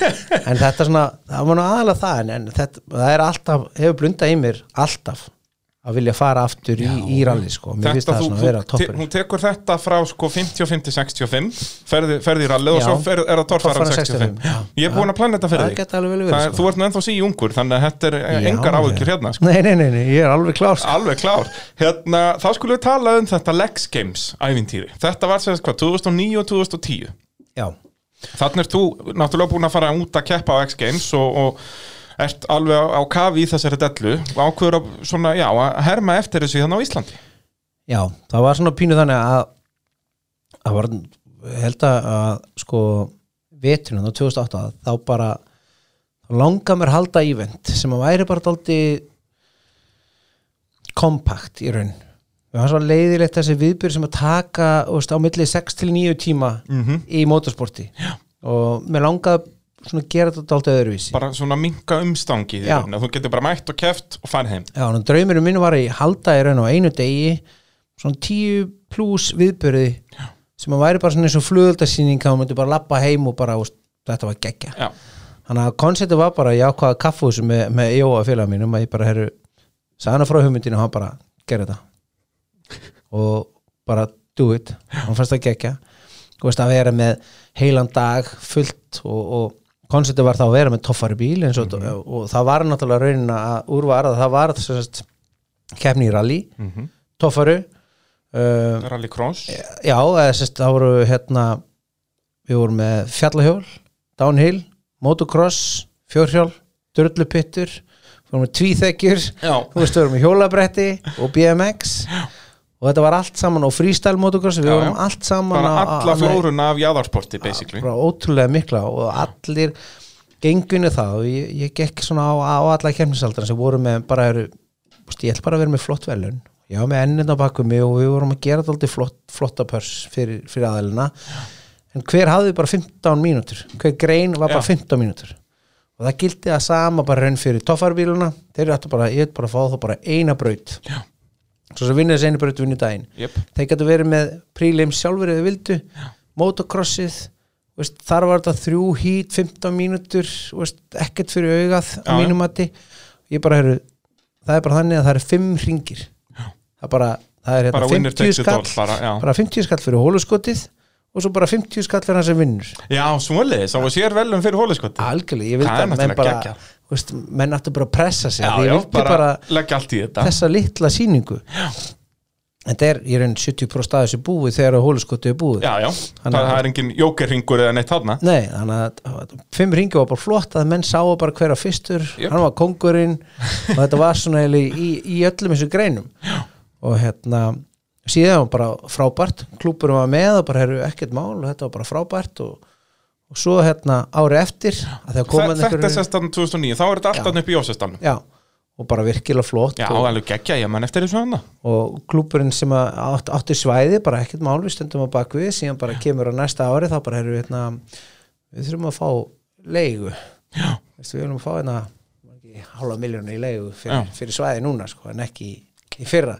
Samt var hann búin að eða hellingspenningum í ítum og hnóð upp og gera og, og, og það gekk það var samþýtt en úr varða varða ekkit úr þessu heldur. Nei, því að það er náttúrulega fyrir fyrsta þá skilja þetta svo sem engum hagnaði heldur. Nei, nei. Og þegar þetta fara að kosta mikið og meira þá verður ekkert úr þessu. En við náðum að tegja allavega setjundagur var þá kominir á braut hérna á IH og Já. þar var drift og supermoto og go-kart þetta var alls konar. Og hérna þannig að þetta er alveg möguleiki og, og, og, Er, Ertu ennþá, sérst, vonastu til að halda fleiri Games? Ég er alveg til. Ég er alltaf ekki? til í að gera flest alla hluti. Já, og hérna bara með meiru fólki og, og, góðum stuðningi er ekkert mál að gera þetta akkurat. Og þetta er náttúrulega frábær kynning Þannig erum við ekki að tala um ykkur Íslandsmót og eitthvað Þetta er rauninu bara sjó. Já, þetta á bara að vera flugöldasýning og það sem er skemmtilegt að vara, maður heyrði akkur það, fólk gekk bara heim og bara, ok, ég vissi ekki að vera hægt. Já, og, þetta var miklu meir en ég áttu vona á að sjá og hérna, og, og hefði gengið og einhvern veginn að ég ætla að vera með hérna 12 motorsportgreinar og einu degi, menn bara, þú ert- vangifin að reyna Jep. þetta, sko. þetta er bara gleymt þessu en þetta var einhvern veginn bara gekk og að láti ganga og, og úr varða ógeðslega flottur viðbörir og, væri gaman að byggja þessu og gera eitthvað meira, alveg klálega þetta er, já, svo gott sjó a- a- Fyrir þá sem að eru kannski ekkert mikið í kringum Akstuðsjóðröttir eða eru kannski bara að fylgast með ralli eða eitthvað og, og fá þá alla saman og síðan er einhver, heyrði þetta motocross, það er nú gaman að þessu. Eða öfugt, skilur algjörlega, sína aðeins flóruna það er svo mikið til Ég hérna. segi það þá um að gera að- setja þetta við erum á litlu landi að, þetta eru bara einhverjir 100 til 150 mann sem eru svona aktífir í öllum þessum motorsportum en, en ef allar greinandar myndu koma saman þá er þetta þá er heljar en mikið fólk. Við erum þúsundi sko alveg klálega. Já, já, allir með sama genapottin Já, já, bara við viljum bensín í æð og allir glæðir sko. Það er eina og nýtrú með þá er þetta allt gott sko. Já, allir helviti góðir. Uh, Hvað tekur svo við næstu árin? Þarna ferðum við bara að byggja þér hús og eitthvað svoleiðis fælu sem við viljum ekki sjá hér þessum þætti Já, já. þetta Og- fer alltaf að byggjast upp einhvern veginn Já, og er það svo hvað? Bara rallycrossið næst? já, í, í raun sko ég var ekkert mikið í já, ég var aðeins í sleðan ég kefti eina keppni Já, smá comeback já, ég tók eitt mót fyrir norðan í, í hitti fyrra þá hérna var sérst keppna í stöðum og þá hóa í, í hérna, nokkra félaga mínu og halda smá old boys. Já, ok, ekki og hafa mætt og, og hérna ógeðslega gaman. Já. og hérna auðvitað unnið eins og á að gera þetta. Auðvitað. En það var gaman að keppa með, með gömlu strákan við erum nákvæmlega eins Já, var, þeir voru nákvæmlega sömu villingarnir og, og tuttarnir og allt þetta. Þetta var eins og menn eru. Menn Já, já. breytast aldrei um karakter sko. En hérna síðan bara raun fæ ég í raun bara að pröfa hérna bílinni á himma? Já, þá eh, sem þennan landsherrs Já, það var svona eiginlega bara testið á þessu. Eitt yma og kynist honum og förum að hann bara ég er með henni bíl, endilega testaði og, og ég er unnið þá að testa hann. Já, það, eh, þetta er svona bara eh, búið að vera nokkuð gott og langt test. Já, og þetta var, fann bara á fyrstu keppni þetta var geggja gaman sko. Já, já. þetta var 16. landstegir og móti öllum þessum kvikindi sem voru og súborónum og, og galantinum og trösta og, og þá einhvern veginn bara fann að þetta var geggja. Mæta ráslínu og láta að finna fyrir sér skilur Já, og og vera ljósin í gangi hraður, og hérna, já, og bara sem sagt, aksjónið. Algjörlega. Og svo bara einhvern veginn þegar þetta spinn út úr því ma- ma- koma hann úr hraðar og þá byrja að setja nosin og hann til þess að að koma hann með eitthvað þarna framar og, og hérna vera með og það gekk ekki neitt að fröys í sem maður kann ekki áta nýtrú þetta, þarf alveg verið búna til þess að þetta sé gott. Já, og í raun lokina fyrra þá hérna þá er trösti á, á galantinum og svo frábæri bíl sem hann er búin að smíða og nostra við. Algjörlega og hann er svona búin að þróa hann alltaf hægt og hann verður alltaf flottar og flottari með hverju er bæði vélarlega séð og bara búið að létta hann alveg í drastl og bara orðin geggjaður kapastusbíl Það er það sko. Og, og endur spekla algjörlega vinnubröðun og gæðinni á, á trösta í sínu. Já. og hann raunin hjálpar mér náttúrulega með því að selja mér þá mótorin sem var í gamla galantinum hans. Já. þegar hann fer í, í, hérna 2,6 kilgra þá selur hann mér hérna 2,4 félagsindra sem bara passar hon í, landsin og, og ver- hvað, þetta er svona, hvað, mitt tímabili fyrra minni það. Og þá er auðvitað breytist alveg svona leikurinn líka sko. Um, en, en gýr hlutvöldin verða alltaf þannig að, að honum á móti súborum að þeir eru náttúrulega stingan af í startinu Já. og landsin er hægur á staðin en, en samt ótrúlega hraður í brautinu Já, sko. já, sem sagt, á, á sagt, tímatnýn eru mjög góðir á honum en, en Já. já, það vantar upp á startið Já, og það setur mann alltaf auðvitað bara í, í erfiða stöðu að ná ekki vera með og ég var alltaf langt á eftir þeim í fyrra Já, Og- já sko, ef við förum með við tímbilið fyrra þá ertu þarna í rauninni í hörkuslag um titil við trösta Það er, trösti fær ekki mörgsti í fyrstu keppninni. Nei. Svo vinnur hann tvær keppni í röð meðan þú ert þriðji. Já. Svo vinnur þú fjórðu keppnina með trösta fyrir eftir þig. En svo endar upp fjórði í síðustu Já. og meðan trösti vinnur. Og það var svona setti punktin yfir í þeir voru bara eiginlega jafnir fyrir síðustu keppni fyrra í, í mótinu. Já, algjörlega. Og það voru bara auðvitað þessi típisku lutir eins og klálega bílum var hraður. Ég hef með góða línur og góðan hraða. En úst, ég er á eftir og þetta hnóða byrja alltaf fjóruði Já. í starti droppa niður þar að það gerir það að maður þarf náttúrulega bara að berjast í öll eins og hægtir og það þýðir að maður bara maður þarf að búa til færi eins og hægtir og hérna að því að ef maður þarf að býða eftir þeim þá verður ekkert úr þeim. Nei, nei, og jú, ég hef nýtt mér í ókjörun oft en, en það bömpaði mann aldrei nema bara ek- x Já, mikið upp. sko líka eins og núna er náttúrulega rallycrossið í svona hæð og margir keppendur og þegar það eru þarna einhverjir 8-10 bílar að keppa í flokknum Mhm. að þá náttúrulega ef þú ferðin í ógerins nefna þá kemur alltaf út í trafík. Og, og tapar bara svakalega á því þannig að þetta er, já, smá hausverkur ef, að- að bílinn fer ekki almennilega á stað. Já, já, en það er, ég meina en úst, það er kannski er líka skemmtilega hlutum við þetta, það er svo mikla pælingar í þessu líka. Og þegar maður og, sest, þú náttúrulega græðir helling á öllum þessum snjókrossferli eða það ekki? Bara svona eins og segir, að taka réttar línur og, og, og bara kappakstur líka, hvað er best að taka fram úr og allt þetta?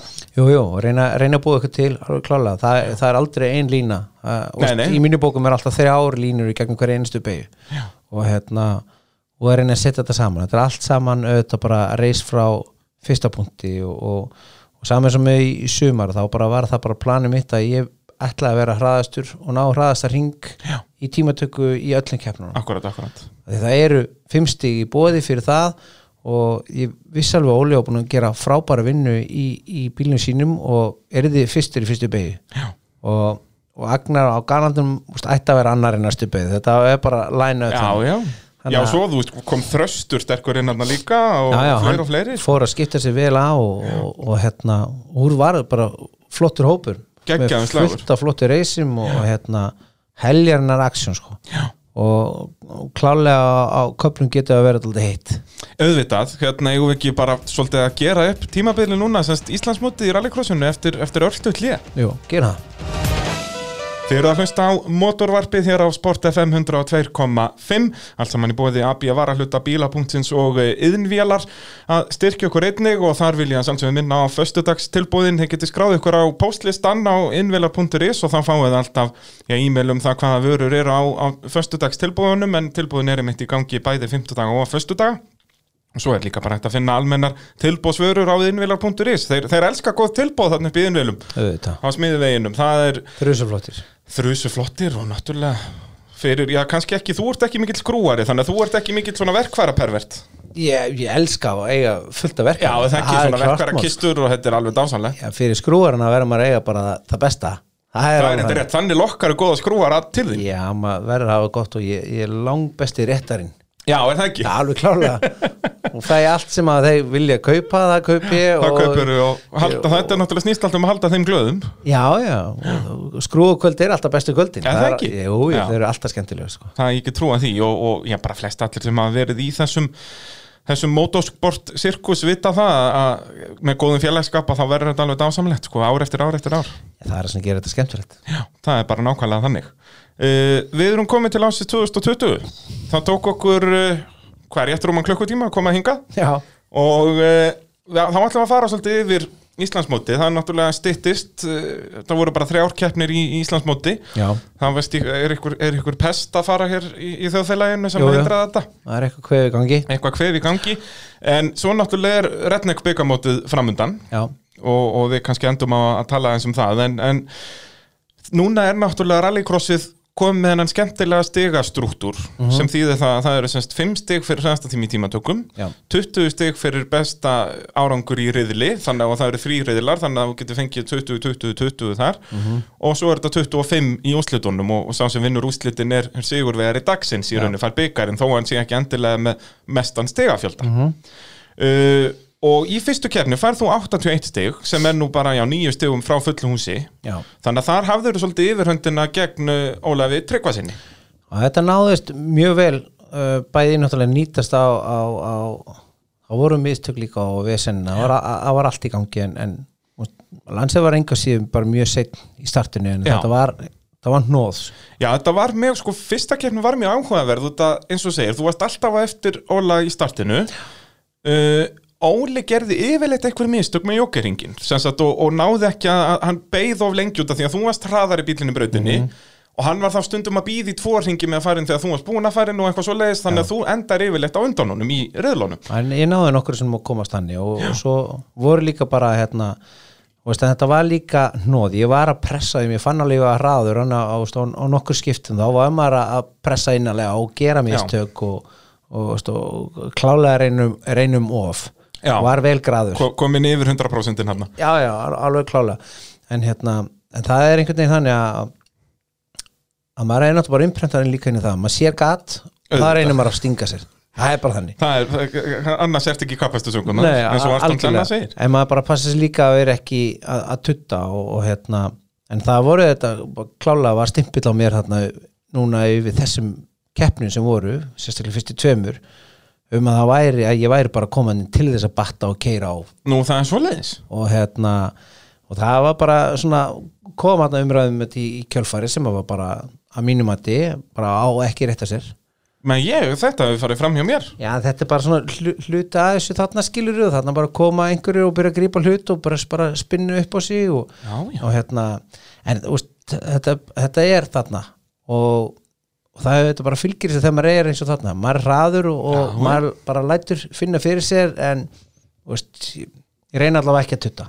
Nei, Ég, nei, ég bara- ekki menn út og ég, ég klipp ekki aftan á menn og ég spinn ekki mönnum og, og hérna, en klálega keiri maður á.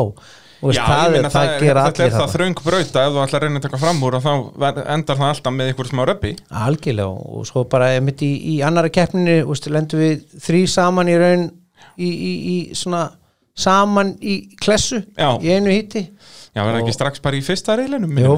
Þú að þröstur endið alveg stopp og, Já, já. og, og, Agnar snýri við og, En það náttúrulega er svo merkilegt með þessa fyrstu keppni að vorum að tala um sko að þú og Óli er að berjast að þessu hundur og köttur í öllum reyðlunum Já. En svo kemur Ragnar Lúmskur í úslitunum og vinnur keppna já, það hérna sko, hvað það var eitthvað Þar voru að þið í að ykkur í, eftir, sko. í, Já, ég var, ég var hérna ég man ekki hvað það var sem gerist. En það, ég var einhvern veginn með þetta alveg einhvern veginn í höndunum og það, já það hérna það bílaði eitthvað hjá mér hérna í úslitunum jókirinn Það er fyrir. svoleiðis. Bara rétt þegar hann fer að þá, þá kom eitthvað fyrir á í bílnum, ég man ekki hvað það var. En einhvern veginn, Eitthvað vesen? Já, já, búin að exit er þetta fínt og svo bara einhvern veginn man ekki missi bara power eitthvað djöfilin sem kemur upp á sko. Já. en það er, hérna var bara, veist, það var bara tæft. Já, já. Og þetta var bara eins og þetta er Það er bara rallycross, þetta er bara geggjað. En, en þú endar samt með sem sagt flest stig eftir daginn. Þú ert annað með 81, Agnar 73 og Óli Tryggva 68 já, Svo í annari keppni að þá, þá skýtur í degið já, Það er ótt að segja það, farið bara 62 stigið þar. Hvar, Hvað fór úskeiðið sann? Náttúrulega fyrstirriðillin fór uh, allur í steg þegar þú þarft hann bara bakka og veist, tapar hann bara hálfum ring í fyrstu beigju já. og farið ekki mörg stig þar. Nei, það er hérna þegar við klessum saman þá fer þetta allt hérna í spað þar. Já. og svo í í því híti hvort það var í því híti þá, nei, næsta híti eftir þá er, en Agnar stopp. Alveg rétt, já, Og hann endur hérna- að fara bara inn í pitt eða Já, eitthvað hann, hann, hann stoppar hann í brautinni og hérna ég er á eftir þresti þröstu bremsar og sér ekki Agnar stopp og hann bremsar og, og hérna bara, læsir öllum hjólum bara til þess að forða að keiri ekki á hana því hann sér hann ekki að komi á gulu flaggi. Og ég fer þá fram hjá þresti sem er þarna bara fyrir hérna, aftan Agnar. Já. og ég fer raun bara vík fram hjá honum og hérna og, og, og fæ gult flagg og er á gulu Já, flaggi. og þú tekur fram og undir gulu flaggi, já. en ég var þá með bíl í, í raskatinu og mér er eftir mann að meta eins og þarna hvort að veist, á ég að stoppa Já, af því að þú- þröstur er stopp. Þetta var sennilega, sko, þú bjóst til minnstu hættuna við að gera þetta svona. Já, en, en svo líka bara að því að úst, ef ég er með annar bíl sem kemur eftir mér framhjá þresti á ég þá stoppa og hleypa þresti fram úr mér og þá líka bílinn sem er fyrir aftan mig. Þetta hefur verið í rallycross á Íslandi í mörg ár, þessi, þessi umræða, sko, þegar það er bíl stopp undir gullu flaggi Já. að, og síðan kannski, já, stoppar annar Já, áttu á að bara búa til lest af bara stoppa allt og alla, Já, þú veist, já. það er ekki örugt Nei, nei. Ég minna þannig að, jú, jú Úst, ég mata bara þannig á, á þessum tímpúti þegar hann er búin að læsa úst, og fyrir aftan agnar hann er bara orðin hlutur í brautinu Já, já. hann er ekki, ég er ekki keppni við hann lengur Nei. þannig ég fer fram hjá hann bara að róla á guluflakki og hinn er á eftir mér og svo bara keiri áfram og ég er þá dæmdur í raun aftastur uh, og í aftasta sæti í raun ekki í, því, í þeim riðli. Já, og og þá er það náttúrulega komið tvö slæm úslit bara strax í fyrstu tveim já, riðli já, en hérna en eins og ég segi, þetta var bara álít og, og, Já, já. ákvörun keppnistjórnar og úst, ég er ekkert að, rengja það eða, eða koma með véfenginu eða kæra, kærumáli eitthvað álíka Nei, nei, bara, það er, auðvelt að lesa bara reglurnar að það sé bannað að taka fram úr undir gullu flaggi og Já, já, algjörlega þó að kannski að þú hefur ekkert verið að gera neitt hættulegt þannig séð, en, en Nei. jú, jú, bara Þá, þannig, þetta- þannig fór þetta Þetta er bara 50-50 og Nákvæmlega. fór á þar og allt í leið, þetta er bara slís og hérna, í, í úslitum vin, vinnur ekki úslitin, vinnur ekki þessa keppni? Jú, í seinustu keppni já, nei, í, í sem sagt, jú, í annar umferðinni. Nei, þá var ég ólifinn næstu keppni og ég er í öðru seti það er rétt. En Agnar ég á tekur um mitt fyrstu keppnina. Já. Og, og, en þarna eins og ég segja, færðu bara 62 stig meðan Óli með 75 Já, og svo Agnar 43 eftir þessa uh, vandræðin sem hann endar, endar hann í. Já og já, þrestur 53 þannig að þarna eru þið jafnir bara fyrir núna keppnina sem var á sunnudaginn. Eru báðir með 143 stig. Nýfjafnir nýfjafnir, þannig að það var bara, bara sjótán milli ykkar núna á sunnudaginn. Já, og hvernig fyrir tímatakan, er það besta tíma þar? já, það var alveg semst um, það var um, merkilegt, ég náði bara svona flottum flottur renna á þetta. Já. svo er ég búinn að taka hérna, beinakaplunum kemur í endan og þá fer hann á hvað safe mode og keiri tvær, næstu tvær beigju bara á þrjú og fimm snúningum bara útslætti svoleiðis. og ég held að veist, ég var algjörlega búinn að klúra þessu en ég náði einhvern veginn að hanga á tímanum og náði ok. besta tímanum þannig að ég var komið með fín pluss fimm stig þar Já. og hérna síðan er ég í öðru seti í Fyrsta fyrsta heitinum Þannig að þar tapar þú tveimur á Óla en ert þá í pluss þremur yfir daginn já, og bara allt svona í raunum var bara Óli tekur þá bara jóker mjög sent út og, og, og gerir enginn, var búin að læra af minnstokunum úr, úr keppnunum að hafa bara eitt ring á milli þín og eða þú náttúrulega eldir honum jókerinn hann alveg rétt. Já. og síðan í öðru hýtti að þá bara hérna náði fínu starti kem, hérna, kem, kem þriðið hérna inn í, inn í endabegina og, og Óli hérna, næ, næði að stinga mér inn undir agnar og Óli fer klikkar á gýr og fer í fjóra gýr Akkurat, og, já, hérna, og ég popp upp úr þeirri begi bara fyrstur. Það er og það er allt í, allt í blúsandi gangi nema bara þegar svona hálfur ringur eftir þá deyr bara á bílnum. Bara, e, það, það var þetta ekki sama svona í tímatökunum, hann var Nei. ekki safe mót heldur bara að drafst á hann hann bara dó. Og hann var búin að sérst degja, hann var einhver bleita, einhver djöfili sem er farið bara í og einhver útleðsla en hann var búin að missa aflatna einhver tvis ára svo bara dóa hann bara hálfur hring fyrir. Og þá var ég bara fyrstur og, Já, já, bara, bara- ekkert mál sko. eins og ég segi, bara eftir fyrstu begin á aftur þetta að vera bara eftir lengur nöðveldur. Já, já, og þetta var bara fínt allt eftir plani svo bara dóa á já. Og ég náði honum í gang og, og endaði að skriða hérna í, í þriðasetti Já, nær þriðja Já. en, uh, hérna, missir þá enn fleiri stig á, á Óla og hvað, eru 15 stig fyrir þriðasendið? Er það 16? Er Það eru- Þetta er 20, það eru 18, 16. það eru 16, já. Þannig að hann tapar fjórum stigum, þannig að nú ertu komin hvað með eitt, í mínus á hann yfir daginn. Já, Og þetta var annar riðillin, eða ekki? Jú. Jú. Og hvernig fyrir þriði riðillin? og í þriðarinnum þá hérna þá rennar allt í raun fínt sko. Ég næði hérna ég náði þá að, að bíling ekki bara flott Já. Þú nærð honum ekki startinu, en þú nærð honum í ókerringum með það ekki. Mér minni það. og þá náði ég bara að keira það og í fyrsta sæti og, og vann það þannig að þá var ég komið allavega með, með 2, 3, 1 Akkurat, Og- akkurat. ég held að það verið 60 þá munur á milli okkar já, og pluss 5 sem ég átti þá þannig að hann var einu stíi held ég á undan mér já fyrir úslitin þannig að það var Þetta bara var basically bara alveg jæmt fyrir úslit Já, það var bara hvor ykkar sem var á undan. Algjörlega. Og bara stendi mjög flott reis og heldur betur. svo er hann að tekið fyrsta starti og svo er bara rauðflagga og hendur að startur og, Þar var það, var ekki þjóstart eða, eða fór yfir kvítulínurnar eða eitthvað, eitthvað hérna það var einhver allavega sem að dæmtir sá það ekki að það var bara endur rest og, og, og, og ræsingi var fín í raun. Ég kem hann annar og, eldi Óla og Agnar bara í skottinu mér og við erum bara þrýr þarna í reysi og, og svo fer ég út í, í þriðaring, fyrir tekið jókurinn þá þeir eru búin að vera bara í, í skottinu Óla og Agnar er mér og, ég fer út og, að ég vissi þá að Agnar myndi nálgast Óla og ég ætti að geta komið þarna inn þá bara bent eftir honum og seti þau bara beðið eftir að þeir myndu fara út. Akkurat. Og ég tek svo hringin, tek á eftir og Óli tek á hringin á, á eftir, eftir mér Hann passa sig að gera þetta bara með einum ring Já. hann bara reyna að ná einum fullkomnum ringkarna svo hann myndi enda á undan þér Já, já. upp úr jókernum og ég kom inn hann mjög fljótt bara mitt í, í, í rassinu á Agnari leit mjög vel út já, og svo bara kemur við gegnum malabein og þá missir Agnar bara raskati út á bílnum og þvera bara beint fyrir fram Já. á malakablanum og þú gast náttúrulega ekkert gert þar Nei, bara þú var annarkvort fór getur hjá- að fara eitthvað fram úr og þá hafði þetta enda bara upp í hól og þú náttúrulega þarfst að hæja töluvert á þér. Æ, ég fóð fram hjá hann bara og veistu, í drulluna sem var hann út úr að það var náttúrulega bullandi blíða þarna á sunnundaginn Aja, og þá er Ólin er bara að nýta sér það og komin undan mér út úr jókurtum þá og þá var þetta svo sem bara búið Já, og náttúrulega Óli er það reynslu mikill að hann er ekkert að fara að hleypa þér fram úr nema bara þú verður að reyna utan á hann eða Já, já, eitthvað já. og, og það er ég bara, maður reyndi sem maður gat Já, og já. bara pressa, einu sem maður getur gert er að bara setja hellingspressu og Jep. bara annarkvort bara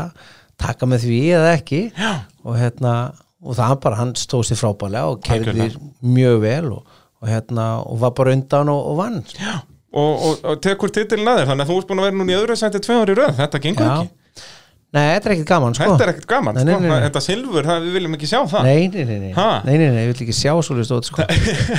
en, þetta var, en keppnin var sko veistu, virkilega gaman að keppa Óla. Veistu, hann Já. er frábær, frábær keppandi og búin að, mjög góður okkur með þér já, búin að vera með sko, mér mikið innanhanda líka og hérna, hana, ég hef ekkert nefnum bara fulla virðingu fyrir honum. En það var virkilega gaman að keppa móti mönnu sem að bara veistu, hérna, sína þetta bara fram og tilbaka. Já, og náttúrulega geggjaði bíl sem hann er komið með þetta þetta er einhver er smá bara- smíði sem hann hann er er svo búin að setja í hann, sko, alveg bara geggjaður. Algjörlega. Og hérna tímunir og, og peningar og, og bara vinna sem búin að setja í þetta allt saman er, er frábært. Þannig að hann, hann á hann skilir þennan sigur alveg skilið sko.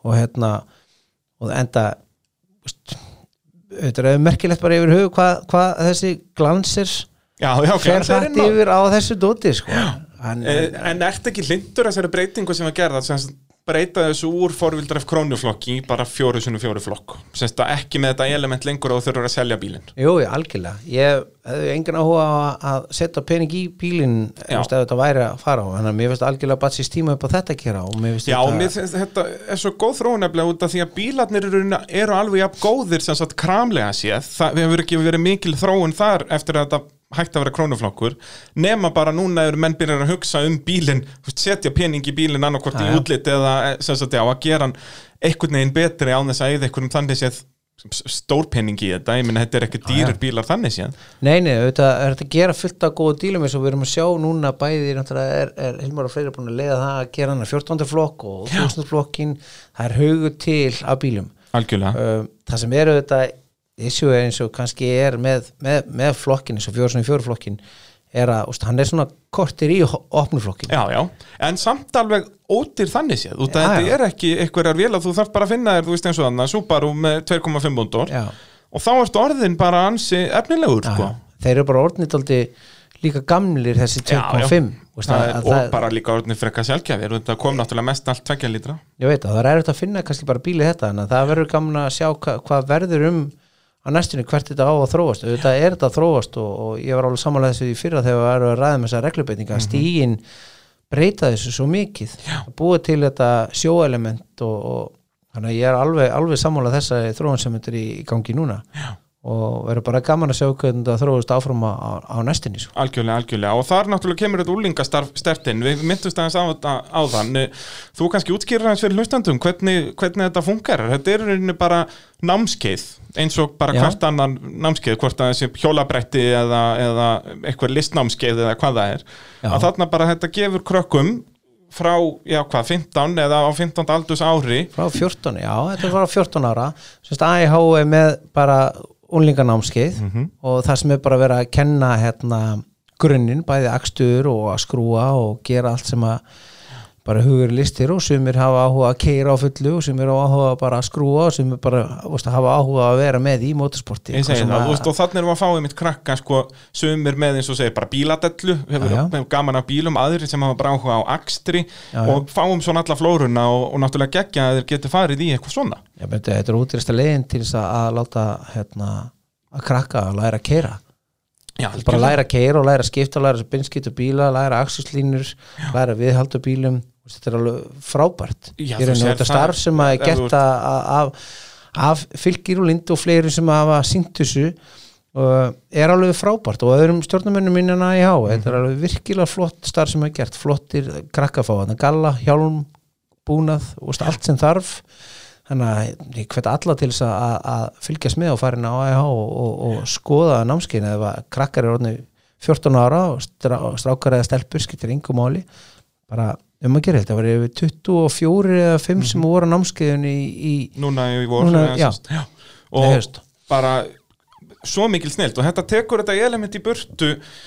Þú veist, alla þá sem ég hef tekið viðtal við þá, þú veist, hvernig byrjar í motorsporti? Að já, pappi minn var svona með einhverja bíladellu og, og þannig svona fór ég inn í þetta. Þarna kemur þetta að pappiðin þarf ekki að vera með einhverja bíladellu, bara ef þú hérna 14 ára hefur áhuga á þessu þá getur þú byrjað á þessu án þess að spyrja pappaðin sem vinnur í einhverjum banka heyrðu, getur þú keft fyrir mig Jaris og smíða ég hann veltibúru fyrir mig? Já. Nei, ég get það ekki, ég er bara að pressa jakkafötum mín veist, þannig að þarna loksins getur hver sem er haft aðgengi að motorsporti það, er, er, ma- það kemur líka alveg ljósa það eru svo margir sem hafa ekki baklandi sem Já, þarf sumir sem hafa blúsandi áhuga og getur í að vera framúskarandi motorsportista en þeir hafa bara ekki baklandi eða skilning eða hvað það sem það er Já.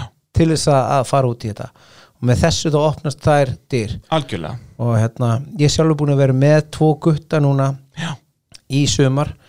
Og annað er að kefti sérst núna bara frá því byrjun og, og við erum hann búin að vera- Júlían eða ekki? Jú, og bara flottur aukumann sem búin að vera keira alla sína hæfi nánast bara með af og sínum á vörubílum og alls konar. Hann er alveg í blóði bóðurinn sem frábær mekanik og flottur aukumann og svo erum við hann hérna Guðna, Guðmund sem að hérna var, var sérst 14 ára, hann var Já, já. 15 ári. Þeir voru núna tveir 14 ári í þessari keppni bara Já. í fyrsta skipti í sögur Alíkross það dettur inn reglubreitingin sem gerir það kleift að þú þart að, að það nógu sé bara 15 ári. Sem náttúrulega verður að vera, þú veist að vera með svona námskeið þá meikar engan sens að vinuðin sem er fættur í mars er á námskeiðinu en þú mátt það ekki út af því að þú ert ámæli í september, það er bara gengur ekki upp. En þetta er allavega þarna eru konu með, með tvo stráka sem hafa komið inn og poppi núna og, og, og þetta er bara flotti guttar sem þurfa Algjörlega. bara þessa aðstóð og, og, og, og hjálp og, hérna, mér er skaman að hafa þessa gutta kring og vera að kenna hvað að gera og, og, og hérna, þeir kenna mig líka helling og, og þegar þeir eru búin að fara að taka eitt námski hérna, já, þá voru búin að læra hvernig þetta skiptir brennsklosa þannig að Já, þeir eru fannir að kenna þeirra skiptum Æ, þeir fengu að skipta brennsklosa á jeppanum mínum og, og síndi mig hvað þeir gerðu Já, er alveg farið í það líka hérna á námskeiðinu bara að, að semst, viðhald á bíl basically. þetta, ég meina, það, er- það sem þarf að gera þetta er bara fyrir bílana og er með bremsur og klossa og bensín og bara fylgjast með öllu sem þarf. Já, og hérna það, þetta er stóru punktinu að því að þetta getur í grunninn að hvað þú gerir í framhaldsskólum eða þú fær þennan áhuga þarna því að 14. og 15. og 16. ári ertu náttúrulega dett inn í hvað það er að gera og ef við getum náða að hafa eins hönd á bakka hvað kveikja smá áhuga að þá kannski náðu bara fleirum inn í fög sem þau eru á áhuga á hvað sem er inn í inn í játtsmíði eða byggulegverkinu Já, eða hvað sem er eða, eða jafnvel bara ekki og fara bara eitthvað annað Já, og, þú veist, og þá kemur líka þetta. Kannski eru sömur hann sem hafa bara áhuga á akstri Já, ekkert endilega öllu þessu þarna í kring en, en, en þá eins og þú segir, þetta er náttúrulega besti aldur þú ert alveg svo svampur þarna bara. Þú tekur allt inn alveg já, þetta íkist einhvern veginn allt miklu meira heldur en að vera þarna með 29 ára gamla uh, kalla á konur. Algjörlega, minni, það væri frábært að við værum með akstursprogram bara eins og í Finnlandi, þú getur bara valið hverju viltu fara í hérna formúli, viltu fara inn í rally eða hvað Hvað hva, vilt, hva sko. langar að læra í framhaldsskólanum Nákvæmlega. ég var bara til í að vera í það ætla- ekkert málun Nei, bara hérna, skottast til þetta eða fara í smá drift og bara Já, að samgöngu á milli þess að geta komið ungum áhugamönnum úst, erlendis í skóla það sem hefur verið að fókusa þetta aldrei á akstur. Vegna þess að ég meina, fyrir norðan var ég með nokkar sem voru með svona gutta sem voru í bílinu hjá mér. Já. og þetta voru strákar sem áttu að helja nervit í skóla. Mm. -hmm. fyrir veginn þar inn bara eins og, eins og þú byrjaðir. Já, já, og, og annar er hérna uh, flugvirki fullmentaði flugvirki og veist, sem að bara nánast fannst hann ekki hafa neitt í nám að gera. Já, já, út af það var bara hann, var bara, hálfviti, lestur og allt var já, bara að VSN Og og, var nú hann hann bara bara fullmentaði flugvirki Akkurat. og, sem er búin að fara í gegn námað þegar hann hafði áhuga á náminu. Og annar sem er bara eitt besti listflugmaður á, á Íslandi. Já, og ég minna, hann er búin að fara gegnum flugnámi og gegnum allt bóklega námi þar. Nákvæmlega. Þegar hann hafði blúsandi áhuga fyrir því. Akkurat, og þarna kemur einmitt þessi áhugi. Ef þú hefur þessi ástriðu fyrir þessum hlutum að þá verða þeir skemmtilegir. Já, ég meni, það langar engum að læra dönsku. Nei, nei. en þegar maður er, er flytið til Danmark þá fattar maður ákveðum að það væri gott að hafa þetta. Jep, en og fram á því þá skiptir þetta engum máli. ekki nokkur einasta. Og, og hérna eins með, ef við erum að tala um þessa að senda ólinga í, í skóla erlendist fyrir eitthvað svona akstur eða eitthvað svona þú veist, voru þeir ekki hérna snjóbretta gæjarnir á norðan, Halldór og Eiki að þú veist, þeir fóru bara í skóla, var það ekki Jú. eitthvað, bara snjóbretta skóli já. og ég minna þetta eru bara með ríkustu mönnum Íslands í daglegu við, Æ, ég meni, þetta eru strákar sem að eldu drauminn sinna alla leið. Algjörlega. Og, veist, og það er eitthvað sem að allir eiga að gera þetta, bara það sem þeir vilja að gera. Já. og, og þarna kemur einmitt að hversu bjánalegt að skó- skólakerfið er. Út af það er ekki verið að einblýna á hvað þú ert góður í. Nei, nei, það er bara að þú átt að vera í þessum kassa. Kassin er og svo náttúrulega kemur upp mentastefnum sem eins og heita hérna, hérna svona skóli fyrir alla. Því er bara enn meiri kassi í raun sko. Að aðgengi fyrir alla og við erum í raun bara að útiloka það sem er ekki inn í rammans. Yep. og við erum alltaf að þrengja ramman meira og meira og hérna og það það er eitthvað sem ég myndi vilja gera okkur búið, það væri raun að búa til ákveðin skóla fyrir krakka sem er á róinu ADHD því ég held að það er því einn mesti snildaskóli sem væri til. Að draga það sem er standa upp úr og hætta við nýja heldur lifta þeim frekar og sjá hversu megniður eru og hvað þeir gætu í raun gert eða hefðu stuðning þar þú sérð alla bara sem að skara fram úr í hverju sem það er að það er vegna þess að þeir eru með létt ADHD og eru geðveitt góðir í þessu en geðveitt lélegir í hinnu en þá þarf að, eins og segir, lifta þeim upp á það elevita minn það er, það er nákvæmlega svo leið svo er náttúrulega retningmótið framundan ef við, ef við ljúkum Já. þættinum aðeins að tala um það það er náttúrulega tveggjadagamót já, er núna, hvað, 12. september já, er það ekki helgjara 12. og 13. Það er eða 11. 19. og 12. eða 19. það er að eru miðjan september og hérna tvekja daga keppni, byrjað á að keira réttan ring og svo öfugan ring setni daginn eða öfugt, en Já. þess að allavega keirði báðir ringirnir. Verður þú ekki mættur þar? Jú, stefnum að mæta þar Taka klárlega. gullið, hætta að safna þessu silfri. Já, það er ekkert gaman að þessu silfri Nei, Það er alveg klart ból það er bara að, vita, að, að hérna, halda áfram Ég meina, maður klára þennan bíl og þróar hann eins og hætti Já, já. En það verður ekki annað sem að tekja á honum sko. Það er svo leiðis, það komu breytingar 2021. Já, ég meina mekkarnir hjá mér hafa bara sett sett mér líka bara skoðan fyrir það er ekkert hægt að riðbæta og setja stálkitti steipukitti hér og þar til þess að halda þessu Já. gangandi sko. þetta er allt svo riðga gamalt ég meina, meiri segja Abbi Varlutin fæst ekkit gam lengur í 96 landsir Ég sko. segi það, sko, þetta er náttúrulega orðið Ford-bíl bara. Aja, hann er náttúrulega úst, enga veginn keppnistæki Nei, nei. sem slíkt en hann er ótrúlegt bara hvað er gaman að keira hann og gaman, gaman að beita hann Já, og bara hvað hann kemst hratt yfir, þrátt fyrir þetta allt. Já, það er bara ekki, það er uh, línunar Já, já, Þetta það er línunar, það það er svolítið svolítið. sko. Þannig að það verður gaman að fylgast með það á næsta ári og náttúrulega í retningnum núna í haust. Já, rednekna næst og svo bara finna hvar og hvað Akkurat, akkurat, akkurat. Það er búið að vera virkilega gaman að fá því spjall, Lexi. Takka þér kærlega fyrir að koma í þáttinn. Já, bara takk sem leiðis Og já, hlustendur, takk fyrir að hlusta og já, þanga til næst. Bless, bless. Bless